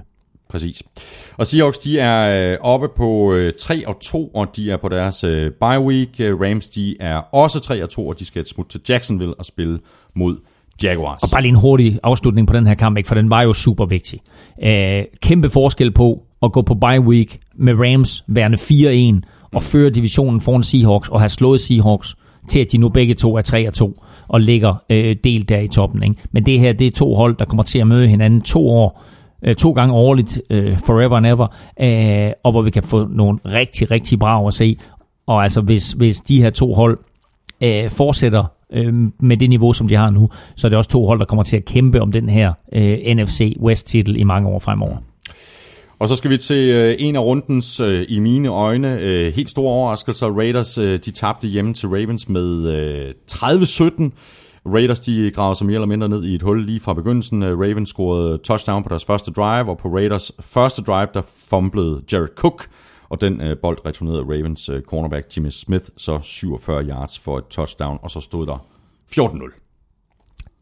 3 minutter og nogle 50 sekunder spillet, og så stod der 14-0. Og fra det punkt af, der kiggede Ravens sig aldrig tilbage. Øhm, en, øh, en vigtig ting for Ravens var, at øh, de jo fik gang i øh, deres øh, dybe kastespil. Mike Wallace på den første angrebsserie griber en bold for over 50 yards mm. øh, af Joe Flacco, og det gør han faktisk øh, senere i kampen også. Øh, og det er det aspekt, som har manglet meget i, i det her øh, Ravens kastangreb. Hvis de kan få gang i det, så vil det gøre det lidt nemmere at løbe bolden, fordi folk er nødt til at respektere, at Flacco har den arm, og Mike Wallace har den speed. Men, øh, men det her, det var en kamp også, hvor øh, Ravens kommer foran 14-0, og så er det EJ Manuel, der er quarterback for Raiders, at skal forsøge at føre dem tilbage. Ja. Og nok så bliver det da tæt hister her, men hele tiden så formår Flacco og, og Ravens forsvar altså holde dem på afstand. Ja, og det er vel, vel, vel den bedste, be- bedste, vi har set for Joe Flacco i år. Ja, det var det bedste, vi har set for Joe ja. Flacco, altså overhovedet. Øhm, men øh, en, øh, en, en nogenlunde fejlfri kamp, altså hvor han har øh, to dybe bolde til, til Mike Wallace for over 100 yards til sammen. Resten af hans 17 kast, ikke? der kaster han for nogenlunde 100 yards til sammen også. Mm. Ikke? Altså, så, så, altså, ja, de to, de to dybe bolde, de får da Flacco til at se god ud, og få Flaccos statistik pumpet lidt op, men altså han kaster ingen touchdowns, og resten af det, han går og laver, er ikke for sådan vanvittigt spektakulært. Jo, han har et play, som er så uflaccosk, som noget, jeg nogensinde har set.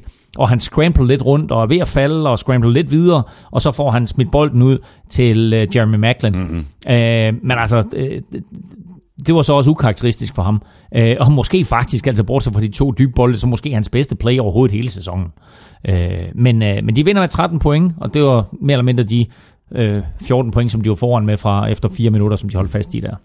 Hvad er der sker i Raiders? Tre nederlag i træk, øh, og det var et af de her hold, som øh, alle, øh, os også inklusiv, havde meget store forhåbninger til inden sæsonen. Øh, jeg ved godt, Derek Carr øh, er skadet, øh, sidder ude, men der var jo allerede begyndt at være sprækker også på forsvaret, inden at de mistede Derek Carr. Ja, og det er der. Øh, og øh, de har intet pass rush. Jo, selvfølgelig har de Khalil Mack, men derudover så har de ingenting. Og så må man bare sige, altså deres, øh, deres linebackers er skuffende, og deres secondary er skuffende. Øhm, altså secondary, de, de bagerste fire øh, cornerbacks og receiver, eller fem, hvis de stiller op med, med noget nickel. Øhm, så... Øh, så det er også derfor, jeg bragte Del Rio i spil, som, mm. som en, en træner, der måske øh, kan mærke sædet øh, brænde lidt under sig, fordi altså, det er bare ikke godt det her. Det her, det var et, et, et Raiders-mandskab, der havde håbet på, at nu fik de Marshawn Lynch tilbage, at de skal nå at vinde Super Bowl, inden de ryger til Las Vegas. Øh, og vinduet i NFL er bare så frygtelig, frygtelig lille, så når du har så godt et hold, som du havde sidste år, du er så tæt på, så skal du bygge videre på det, og så skal du være der, og så skal du være super tæt på allerede fra sæsonstart. Men de er der bare ikke. Og selvfølgelig er det uheldigt, at Derek Carr bliver skadet, men selv med ham, der var de der ikke. Nej. Så, øh, så det her, det er et, et mandskab, Raiders, som lige nu ser ud til at gå en meget, meget skuffende sæson i møde. Mm. Og de er øh, 2 og 3, og de spiller hjemme mod øh, Chargers. Øh, Ravens er 3 og 2, og de får besøg af Bears. Og så til øh, ugens kamp mellem Cowboys og Packers. Øh, Aaron Rodgers og Packers endte med at trække det længste strå til sidst, 35-31, og det var da en fuldstændig sindssyg afslutning. Altså, lad nu være med at give Aaron Rodgers ret meget mere end 5-10 sekunder. Fordi han straffer dig. 10 sekunder er nok lige rigeligt. Ja, ikke også? 5 sekunder max. Um, ja, og 0 Hold nu, timeout. hold nu kæft, mand. 73 Og sekunder. han er sindssyg. 73 sekunder fik han til at afgøre det her. Og bolden på egen 25 linje. Øh, og så kørte han ellers stille og roligt derned af. Øh, og udover de kast, han leverede, så er der en situation også, hvor Cowboys forsvar har fat i ham. Mm. Han får vredet sig ud af det sæk, og får i stedet for at løbe til en første down. Øh, Ja, det der spil, hvor, han, hvor han, han, han løber for 18 yards, tror jeg. han løber det var for den 18 tredje yards. down. David Irving har fat i ham. Så løber han for 18 yards og en første down. Øh, og altså, han rammer Martellus Benne på det drive, han rammer øh, Davante Adams øh, på det drive, og han rammer Aaron, Aaron Jones på det drive, og så til sidst, så rammer han Davante Adams i endzonen. Først tager han et enkelt skud i endzonen, hvor bolden ligger en lille bitte smule upræcist. Øh, angiveligt kommer Davante Adams så tilbage ind i hotlen, og der er kaldt et eller andet play, og så siger Davante Adams til Aaron Rodgers, en gang mere, kast den på ydersiden. Hmm. Og så kaster øh, Aaron Rodgers det, man kalder en back shoulder fade, hvor han, øh, hvor han kaster den ud på ydersiden. Davante Adams meget atletisk drejer rundt om sig selv. Cornerbacken aner ikke, hvor bolden er. Davante Adams stor afskærmer modstanderen, griber bolden, får begge fødder ind. Touchdown, Packers vinder. Og på sidelinjen, på Cowboys sidelinje, der kan Dak Prescott bare stå og se til. Nu gjorde han det. Gud hjælp mig igen. Det kan godt være, at jeg er en ung superstjerne, men det der, det er en rigtig superstjerne. Og nu siger jeg bare lige noget her, som vil få samtlige Patriots-fans i hele verden op og støde. Der er ingen som Aaron Rodgers, og der har aldrig været nogen som Aaron Rodgers. Han er the GOAT. Det kan godt være, at han ikke har sine fem Super Bowl titler, men han er the greatest of all time. Der er, det er helt vildt, den måde, han spiller på, Jamen, og se vildt. ham spille. Ja. Jeg er så imponeret. Det er ikke nogen hemmelighed, at jeg på ingen måde er Packers-fan. Det, det er træls at holde at være i division med. Men hold fast, hvor er Aaron Rodgers bare fed at se på. Og kan man, man kan jo ikke undgå at holde med ham. Altså, man elsker at se ham lave de der... Jeg er da klar over, der sidder der et hav af Cowboys fans, der sidder og banner og svogler over den afgørelse. Anders, for eksempel Anders Petersen, der, der, der tweetede, jeg hader, hader, hader, hader, hader, hader Aaron Rodgers. Ja, men altså, hvordan, men man kan da sagtens hade Aaron Rodgers, Ja, ja, men man kan da ikke enten elske at se ham Men det spille. er også det, der ligger i hans Ja, tweet, ikke? Altså, at man bare må, det er næsegrus øh, beundring for, for, Præcis. for den mands øh, kvaliteter. Altså, det er jo, det er jo, ja, det er jo helt vildt. Øh, skal vi lige runde Aaron Jones? Jeg tror lige, du nævnte ham. Ja. Øh, ser ud til at blive en rigtig, rigtig god erstatning for, for Ty Montgomery, der er blevet skadet. Øh, det, ser, altså, det, ser, det ser bedre ud i løbeangrebet nu for, for, for, øh, for Packers. Og de vælter i skader. De vælter i skader på den offensive mm. linje i, på, på forsvaret. Ja. Og, og alligevel så ser det sådan her ud, ikke? Jo, og det er det, der er lidt skræmmende for alle andre hold. Ikke bare i NFC North, men i hele NFC, og måske for den sags skyld i NFL. Mm. Det er, at Packers i en skadespladet version, måske er det bedste hold lige nu efter Kansas City Chiefs. De bliver raskere og raskere i løbet af sæsonen. Øh, de får øh, styr på den offensive linje. Øh, de får et par profiler tilbage, øh, både på forsvaret, eller især på forsvaret, øh, men også på angrebet. Og det betyder, at hvis alt det her, det klikker for dem i, i, i december, så er de et rigtig, rigtig godt mandskab. Ja. Øh, Og så har de Aaron Rodgers som quarterback, og det kan man bare ikke undervurdere. Men for lige at vende tilbage til Aaron Jones, running backen, der har overtaget for Ty Montgomery, han er jo en mere naturlig running back end, uh, end Ty Montgomery. Ty Montgomery er konverteret receiver, og altså øh, hatten af for alt, hvad han har gjort for, for, for Packers, fordi han har været en virkelig, virkelig øh, god erstatning mm. på running back. Øh, men Aaron Jones kommer ind og ligner mere en running back. Den måde, han håndterer bolden på, de løb, han tager, nogle af de finder, han laver, øh, er helt Levan Belsk inde i, inde i hullet. Øh, og han giver dem et aspekt, som jeg faktisk synes, at de har manglet. Øh, Så Aaron Jones kan vise sig at blive en rigtig, rigtig vigtig tilføjelse. Og så er det jo crazy at tænke på, at han jo egentlig kun var, var, var tredje øh, running back, ikke? Ja, altså ja, ja. efter øh, Ty Montgomery, efter, hed- hvad hedder han, Jamal Williams, Axel jeg, jeg, jeg, ja. om ham sidste uge. Og så, øh, og så Aaron, Aaron Jones nu her, ikke? Men altså Aaron Jones spiller en virkelig, virkelig god kamp, og, øh, og kombinationen af ham og Aaron Rodgers og hvad der ellers foregår, ikke mindst defensivt også, kan altså bare tage Packers rigtig langt. Ja. En anden spiller, øh, ham som du øh, nævnte lige før, som kunne stå ude på sidelinjen og se øh, Aaron Rodgers og Packers mm. løbe afsted med sejren. Øh, Dak Prescott spillede endnu en fremragende kamp, synes jeg. Øh, det gør han da. Ikke? Altså, øh, og hvis, hvis, hvis du ser på Cowboys nu, ikke, de er langt nede på mit momentometer, og de er 2 og 3. De kunne sagtens have været 4-1, mm. hvis, men, men, men, og, og de vil faktisk være 5 og 0 øh, ah, tæt på. Men altså, hvis det her det kun drejede sig om første halvleg. De har smidt et par kampe i anden halvleg, inklusive weekenden her, imod Packers. Øh, og jeg ved ikke, hvad det er, der går galt. er, hvad scorer Packers i fjerde for 20 point. Øh, ja, det, det er noget i den retning. Jeg har, jeg har den faktisk lige her. Øh, Og de har faktisk ikke bolden særlig længe. Altså, det er det, der, er, der, der må være dybt Ja, men der, frustrerende. der, der var et eller andet, jeg så faktisk, du likede, du likede et Ja. tweet, var der ikke noget med... Øh, Jeg kan ikke huske, om det var 2 minutter og 15 eller Præcis. et eller andet i den stil. og, lavede, og, lavede, og, lavede 20, point, ikke? Ja, ja. Øhm, men øh, Dak Prescott spiller rigtig godt. Og altså, det kan godt være, at Carson Wentz, han øh, gør det godt i sin anden sæson. Øh, men det gør Dak Prescott også. Mm, og der er måske endnu mere pres på Dak Prescott, fordi han var så god i sin første sæson, og, og tog Cowboys så langt, som han gjorde. Øh, og så taber de øh, Divisional Playoff-runden til Green Bay Packers. Øh, på et fænomenalt Aaron Rodgers comeback. Og nu skete det bare igen. Ja. Og Cowboys, de er øh, 2 og 3, og de går på øh, deres bye week. Packers, de er 4 og 1, og de skal til Minnesota og spille mod øh, Vikings. En forholdsvis vigtig kamp for Vikings for at holde trit med, med Packers i, øh, i divisionen, må man sige. Og så skal vi have fat i det eneste hold, der fortsat er ubesejret. Det er Chiefs, der slog Texans med 42-34. Og jeg vil godt lægge ud med at stille spørgsmål. Er Alex Smith pludselig med i MVP-snakken? Jeg nævnte det faktisk også øh, allerførst i udsendelsen. Han har spillet godt hele året. Han begår stort set ikke nogen fejl. Han har ikke kastet en eneste interception i år. Øhm, og mod et af de allerbedste forsvar i ligaen, der completer han 78% af sin kast. Jeg ved godt, at øh, mm. Texans mister øh, J.J. Watt og, og, og Whitney Merciless øh, undervejs i den her kamp. Men det kan godt være, jeg snammer den med MVP-diskussion, but still, Nå, nej, men det gør du man ikke. må, hvad det hedder, man må give manden credit, ikke? Jamen, jeg synes ikke, du strammer den, fordi, øh, altså, altså, jo, Aaron Rodgers er der med i den diskussion, men udover de to, så er der da ikke ret mange. Altså, øh, han, det, altså, det han præsterer i øjeblikket, Alex Smith, er jo så på vildt et niveau, så man slet ikke forstår det. Sidste år, der satte Russell, øh, ikke Russell Wilson, der satte Sam Bradford rekorden for flest completions i en sæson med 71,3.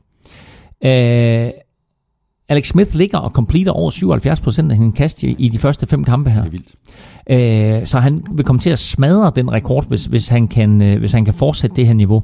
Derudover, så øh, har han jo selvfølgelig øh, en, en god running back i Kareem Hunt, som til dels blev lukket ned her, men alligevel får over 100 yards. Men når han så beslutter sig for øh, at kaste, eller trænerstaben beslutter sig for, at Alex Smith han skal ud og kaste, så vælger han alle de rigtige løsninger. Og når han, når han, altså det, det er nemt nok at kaste de her små korte kaster, du ved, så får du måske en 2-3 yards, og det tæller alt sammen med i dine procenter. Men selv ned ad banen, mm. der er han vanvittig skarp. Og så har han jo et fænomenal mål i tight end Travis Kelce, Helt vildt. som jo desværre må udgå af den her kamp med en hjernerystelse, mm. og stadigvæk er tvivlsom til weekenden. Øh, og det vil være et kæmpe slag for Chiefs, hvis, øh, hvis, hvis han må udgå. Øh, og hold lige øje med Travis Kelce's status, fordi hvis jeg lige skal komme med et hurtigt spiltip her, så spiller Chiefs i weekenden imod Pittsburgh Steelers. Og Chiefs er hjemme, men Chiefs har ikke nær så meget brug for den her sejr, som Steelers har. Og Steelers har faktisk nogle våben og nogle spillere, som står ret godt Mm. til Chiefs. Der er 2,95 på, at Steelers slår Chiefs på udebane. Det er hård modstand. Det er på udebane. Det er et af de sværeste stadions at spille på. Det er et Chiefs-mandskab, som er fyldt med selvtillid. Men 2,95 på Steelers. Hvornår har du sidst fået 2,95 på en Steelers sejr? Det er længe siden. Jeg, jeg tror aldrig, at de har givet 2,95 igen. Nej. Altså ikke under Ben Roethlisberger. Så, så det er lidt vildt. Så det, er, det, var, det var lidt af min spiltip her til weekenden. Texans øh, har vi faktisk snakket en del om øh, tidligere i, i udsendelsen. Vi, vi skal selvfølgelig tale Deshaun Watson, fordi der var ikke ret meget at råbe for, for ham i første halvleg. Øh, det var der så til gengæld i anden halvleg, hvor han, hvor han kastede fire af sine, sine fem touchdowns i, i, mm. den her kamp. Ikke? Øh, men han ser god ud, Deshaun Watson. Øh, jeg, jeg, vi talte også om ham i, øh, i, i sidste uge. Mm. Jeg synes, han ser god ud i lommen. Han har bedre tålmodighed, end jeg i virkeligheden troede, han ville få i sin første sæson i NFL. Et det, og to, når han så køber sig tid i lommen, så har han noget, som er så svært som quarterback, nemlig fokus ned ad banen.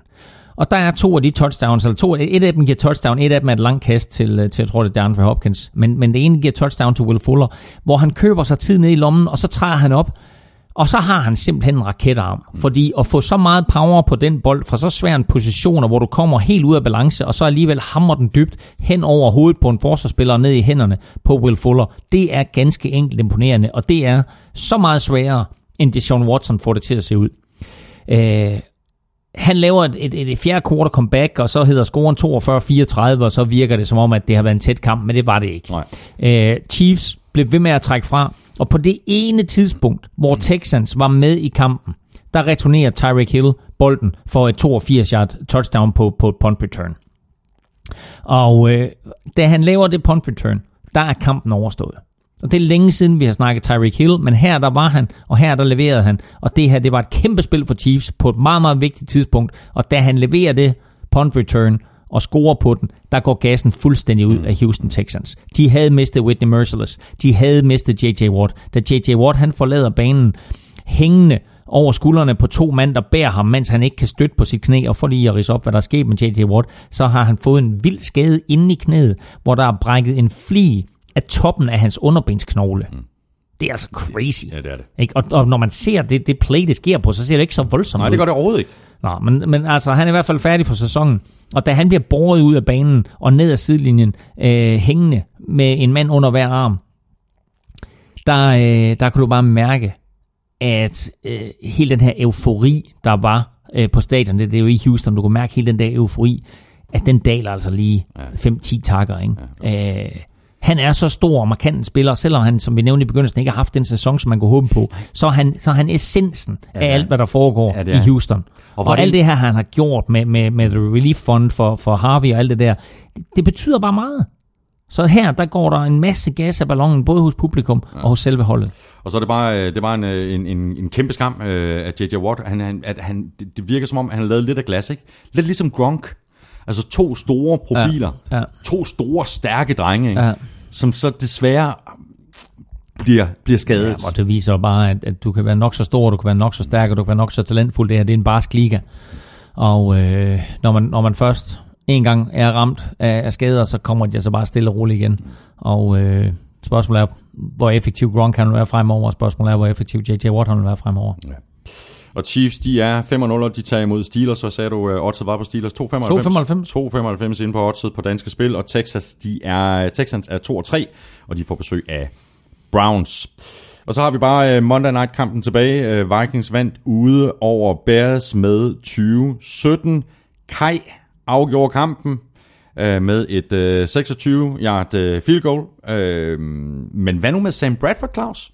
De startede Sam Bradford, han øh, så ikke ud til sådan rigtig at være klar, og så bliver han øh, taget ud, og så kommer Case Keenum ind i, hvad, hvad er det, andet kvartal? Ja, slutningen af den kvartal. Ja, præcis. Har de forværret hans skade nu? Har de startet ham for tidligt? Vikings? Ja, de har startet ham for tidligt. De startede ham, fordi de håbede på, at han kunne give en eller anden form for knist til her angreb, som jeg egentlig synes, at de... Jo, de havde det ikke mod, mod, mod Lions, men ugen inden, der knuste de jo Buccaneers mm. øh, med, med, med Case Keenum ved roret. Øh, de håbede på, at Sam Bradford kunne give dem en gnist, øh, men han var jo en skygge af sig selv. Ja. Øh, ramte jo øh, på under halvdelen af sin kast, som nævnt ikke. Altså han completer omkring 70% af sin kast. Han rammer på 5 ud af 11 for 36 yards. Mm.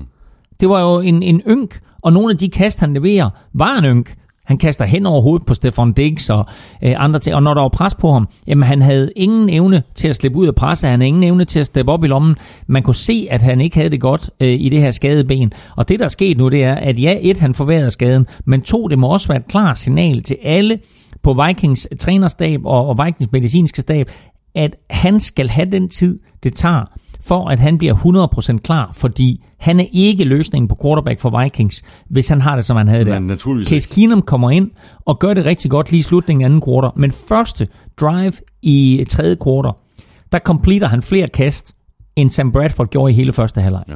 Og så fører han Vikings øh, til point og til touchdown.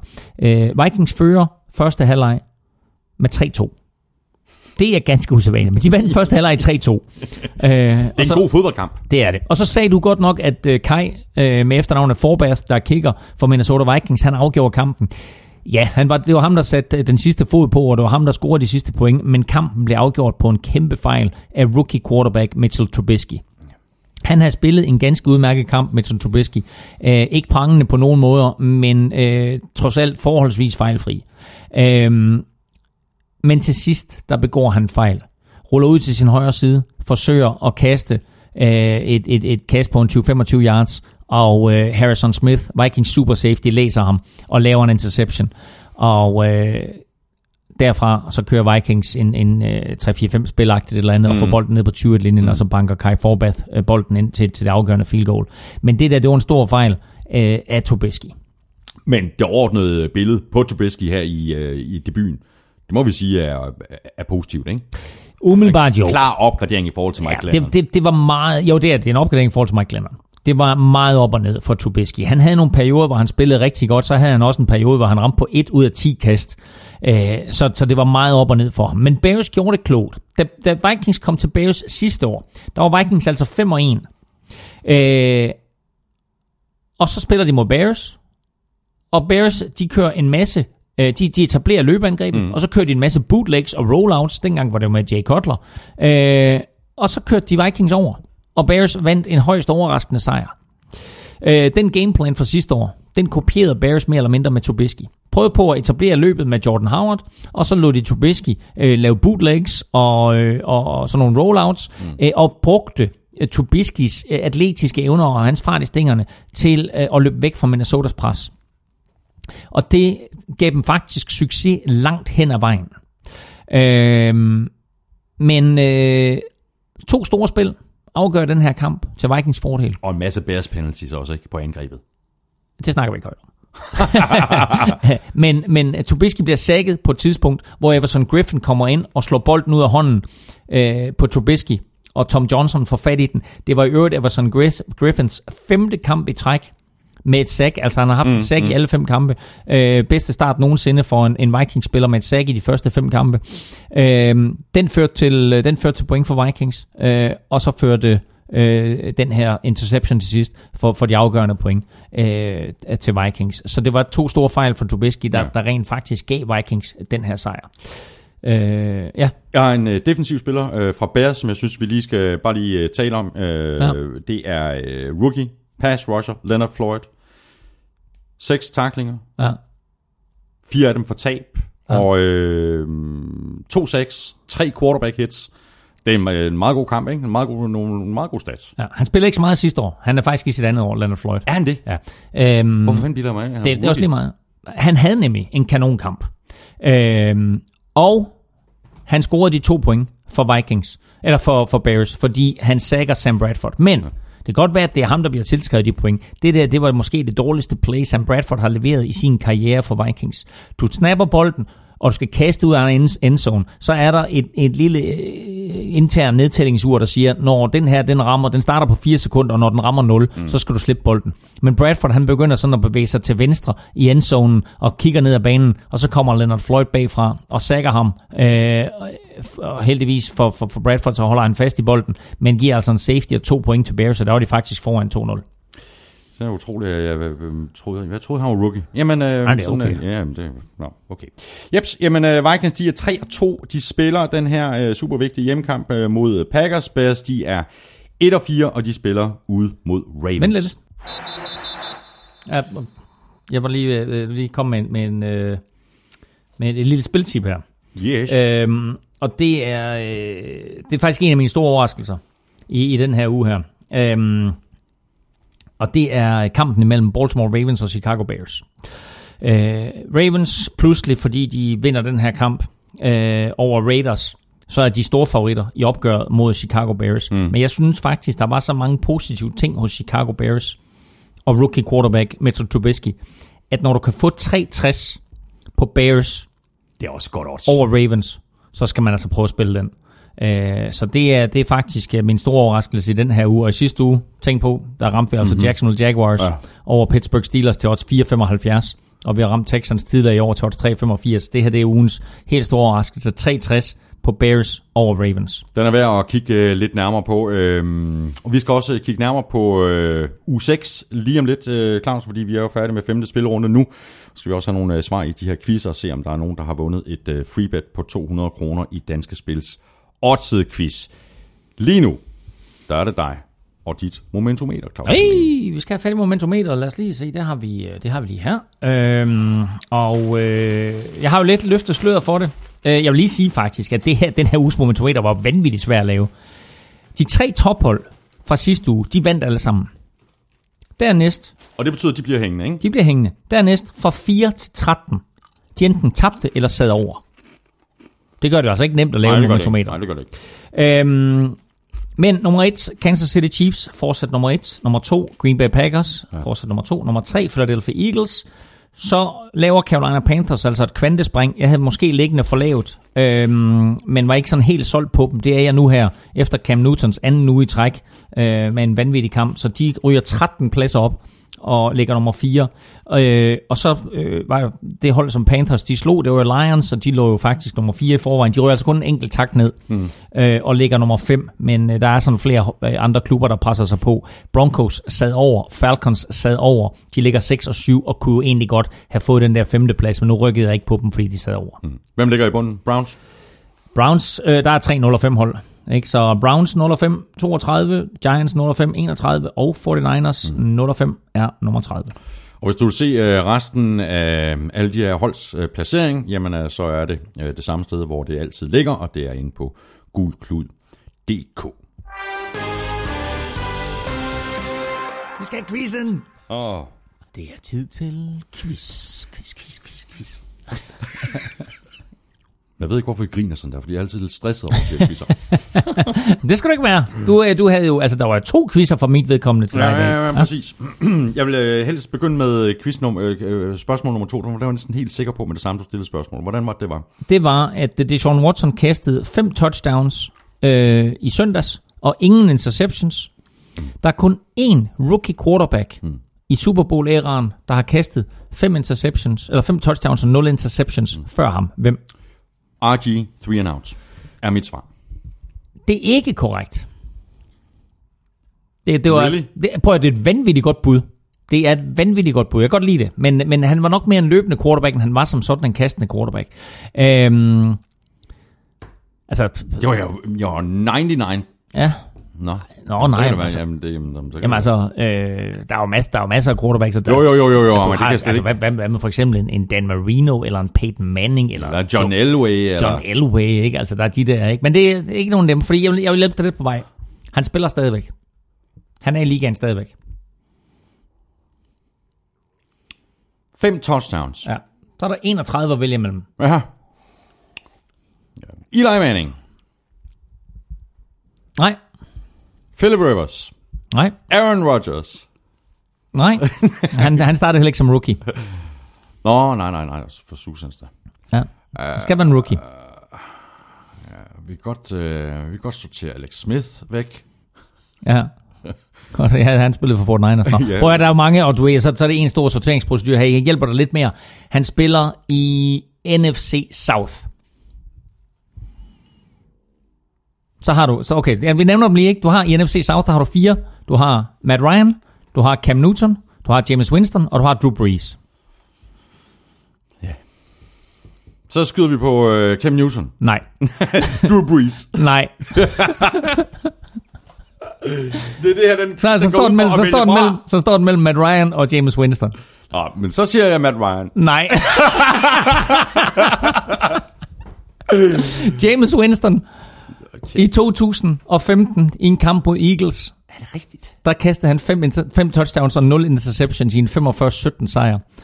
Så, Og her øh, sad jeg simpelthen bare fuldstændig 100% overbevist om, at det var RG3.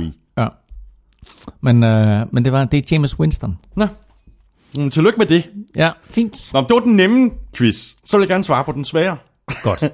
Den svære quiz, den hed. Larry Fitzgerald greb en bold i weekenden, dermed så er han oppe på 200 kampe i træk med en grebet bold. Hmm. To spillere har grebet en bold flere kampe i træk. Det er der to point for, og så er der også to point, hvis det er sådan, at du kan nævne nummer 4 og nummer 5 på listen.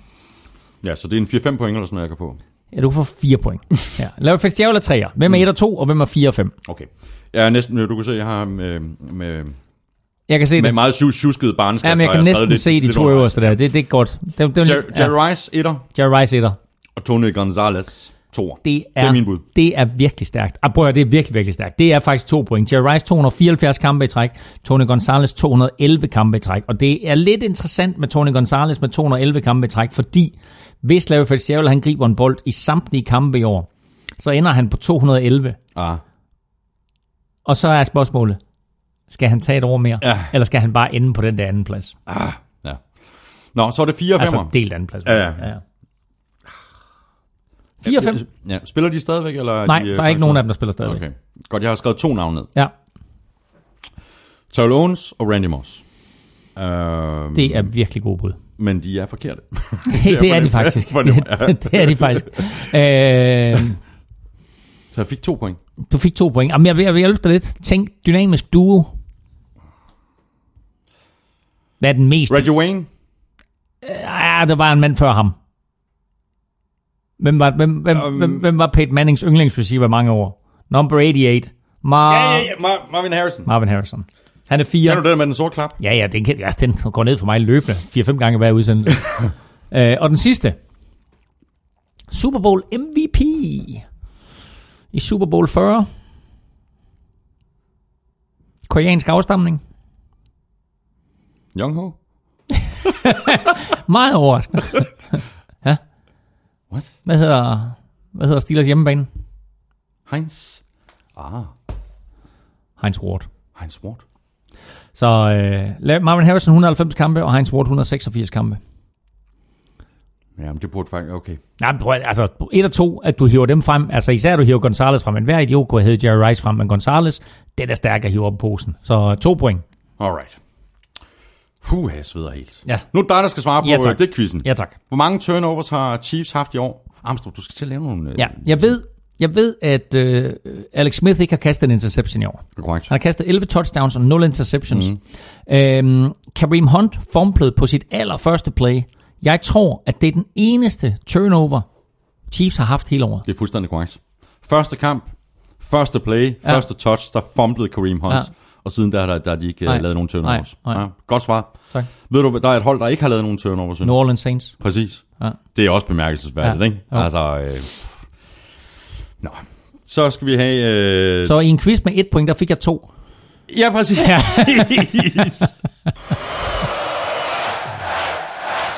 Og så skal vi så, det er ret godt gået, ikke? Skal vi have fat i den her odds-quiz for øh, femte spillerunde og se, om der er øh, nogen, der har vundet sådan et øh, freebet til odds på danske spil. Det er der ikke. For tredje uge i træk, der var det lige ved, og næsten eneste udsagn, der viste sig ikke at holde i sidste uge, var udsagnet om, at Antonio Brown ville score touchdown. Øhm, du får en øh, ny chance for at vinde et øh, freebet på 200 kroner til oddset, når du er nået så langt i podcasten, som du er, øh, når du hører det her. Så øh, har vi med garanti allerede lagt den nye øh, quiz op på NFL Shows Twitter-profil. Det gør vi nemlig hver torsdag, og så har du indtil kl. 19 på søndag til at svare på det tweet, hvor Otze-quizzen er vedhæftet. Og så skriver du ellers din bud og afslutter med hashtag Otze-quiz. Alle, der rammer de rigtige udsagn, hvis der altså er nogen, der rammer de rigtige udsagn, vinder et øh, freebet på 200 kroner til odds på danske spil. Der er kun to krav. Du skal være 18 for at deltage, og så skal du, hvis altså du vinder, placere hele beløbet på et spil. Skal vi sætte vores øh, picks til 6. spilrunde? Før vi gør det, så bliver vi desværre nødt til at se på, hvordan det gik i sidste uge. Jeg havde en ekstremt dårlig runde. Øhm, ja, ved du hvad, jeg kan, jeg kan simpelthen bare læse højt her, fordi Lukas Willumsen han har skrevet. Mm. En tiltrængt sejr til Claus på 8-5. Hold da op. 8-5. Mm.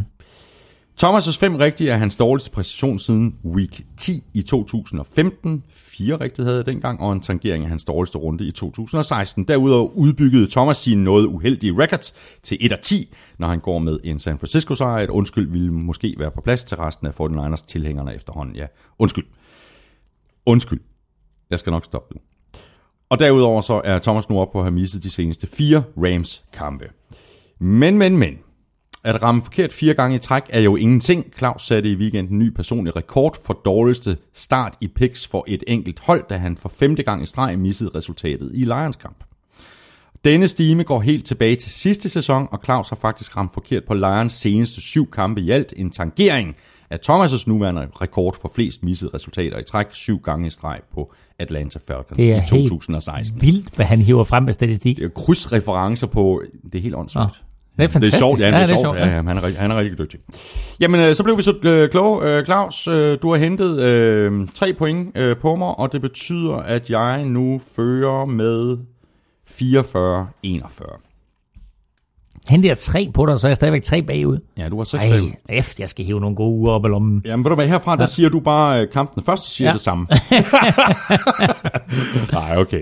Panthers, Eagles, damn, jeg er i tvivl fra starten. Ja, det er jeg også. Øhm, jeg har et spiltip til den her, øhm, som jeg bare lige læser højt.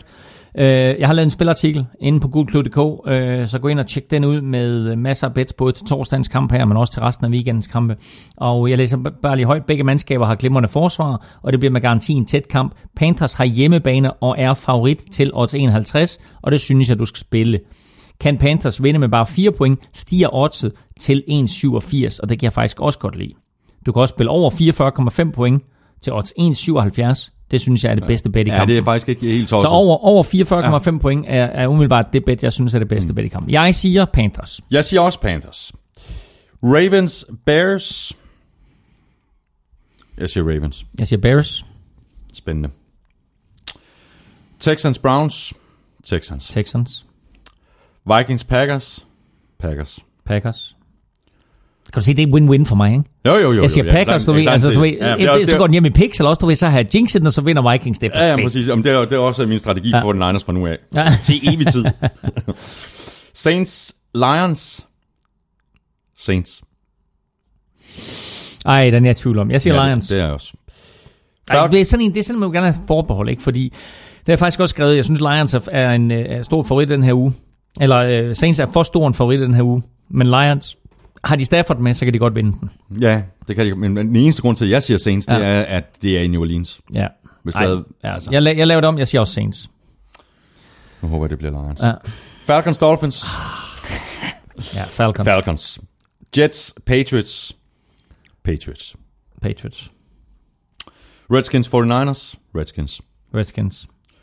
Og du bare se, øh, det, det bliver rigtig sjovt at, at følge den her kamp, fordi øh, hvis kaptajnen han får en, en kanonkamp, så er der bare udelukkende snak om, at han skal til 49ers næste år. Og, kaptajn, og, og, kaptajnen er selvfølgelig og hvis, og hvis, Captain Kirk. Ja, præcis. Og hvis han spiller dårligt, og 49ers de skulle lave det her meget Ja. ja. uventede øh, opsæt eller sådan noget, nej, men så er der ikke øh, nogen grund til, at det, det bliver the storyline. Just you wait and see. Nå, vi sagde begge to Redskins, ikke? Øh, så havde vi øh, Cardinals, øh, Buccaneers. Den er også svær, ikke? Jo, det er den. Jeg siger Bucks. Ja, jeg siger også Bucks. Øh, Jaguars, Rams. Også svær. Den er også svær. Jeg siger Rams. Jeg skrev Jaguars. Mm, godt. Chiefs, Steelers. Kom så, Caesar Steelers. Jeg siger Chiefs. Jeg siger også Chiefs. Raiders, Chargers. Mm. Chargers. Chargers. Broncos, Giants. Broncos. Broncos. Titans, Colts. Ah, nu må de tage sig sammen. Col- Titans. Colts. Siger du Colts? Jeg siger Colts. Okay, jeg siger Titans. Det er i Tennessee. Jeps, jamen, og øh, pikspillet, pikspilleriet inde på, på Google.dk, det, det kører derude, og der, Ja. der er ugepræmier. Der er ugepræmier fra Det er, Philips ikke alle steder, man, det er ikke alle steder, man kan vinde penge for sådan noget. Øh, undskyld, hvad? Det er ikke alle steder, hvor man kan vinde præmier Jo, i præmier. sådan, et, i, i sådan et pikspil. Nej, det er det ikke. Det er, det er det ikke. Normalt, normalt nej, jeg kan ikke engang den- gå den retning. Ikke stop dig Hvad for en retning? Lad være. Man kan spille piks mange steder. Det er ikke alle steder, man kan vinde præmier. tak for det, Elving. Det har været en fornøjelse. Nej, det har ikke været en fornøjelse. Jo, det er Nej, altså. Det røvsygt. Følg Claus på Twitter på snabelag NFLming. Mig kan du følge på snabelag Thomas Kvartrup. Hvis du har spørgsmål eller kommentarer, så kan du gøre det på Twitter eller på mail snabelag nflshowet.dk. Tak fordi du lyttede med. Kæmpe stor tak til vores gode venner og sponsorer fra Tafel og Odset på Danske Spil. Husk at tjekke øh, vores øh, Twitter-profil hver tirsdag, hvor vi nominerer tre spillere til ugens spiller, og hver torsdag, der lægger vi en ny også quiz op på Twitter også der. Tak for nu. Vi høres ved. NFL-showet er produceret af Kvartrup Media, der også producerer Born Unplugged, hvor jeg taler dansk politik med min fætter Henrik hver fredag. Og hvis du er tosset med almindelig fodbold, så mener jeg lige om de øh, to podcasts, Premier League-showet og Champions League-showet, hvor Daniel Siglau er vært. Elming og jeg er tilbage med mere rigtig fodbold næste torsdag. Ha' det godt så længe. Hot hot. Men, øh, der, var en lille, der var et lille jubilæum i NFC North i weekenden. Mm-hmm. Ja, du aner det ikke, men jeg, jeg, jeg Nej, fortæller nej. dig det nu. Og det er, at øh, det var faktisk det var sådan et, et 75 jubilæum, kan man godt tillade sig. Et 75 quarterbacks jubilæum. Øh, og det kort fortalt, det er, at øh, Lions, Vikings og Bears nu har haft 75 quarterbacks til sammen i den tid Packers har haft Brett Favre og Aaron Rodgers. Nej. Er det rigtigt?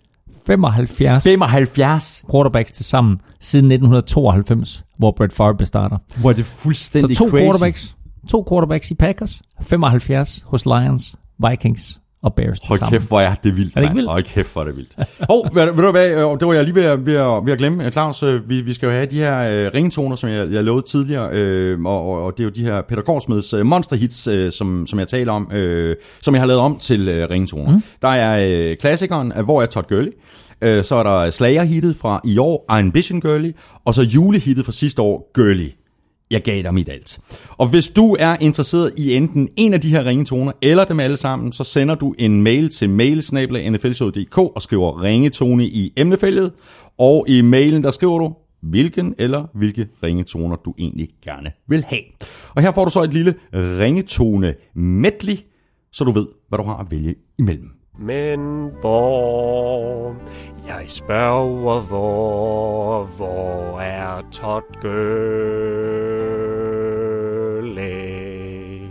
Men hvor, jeg spørger hvor, hvor er Todd Gurley?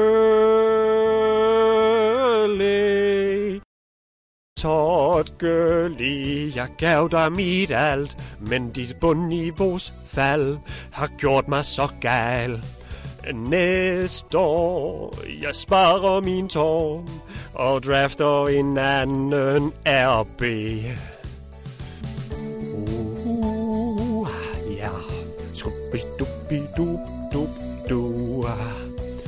Og lu lu lu lu lu. Og hold op, op, op, op, ja. Der var Todd Gurley, han er så kølig. Tre kampe spillet, han traf en zonen. Der var Todd Gurley, så smooth som Bailey. Og sidste sæson fylder ikke mere. Ja, der var Todd Gurley, han gør mig brunstig. Han er tilbage i kamp om tronen. Der var Todd Gurley, så fix som Shirley.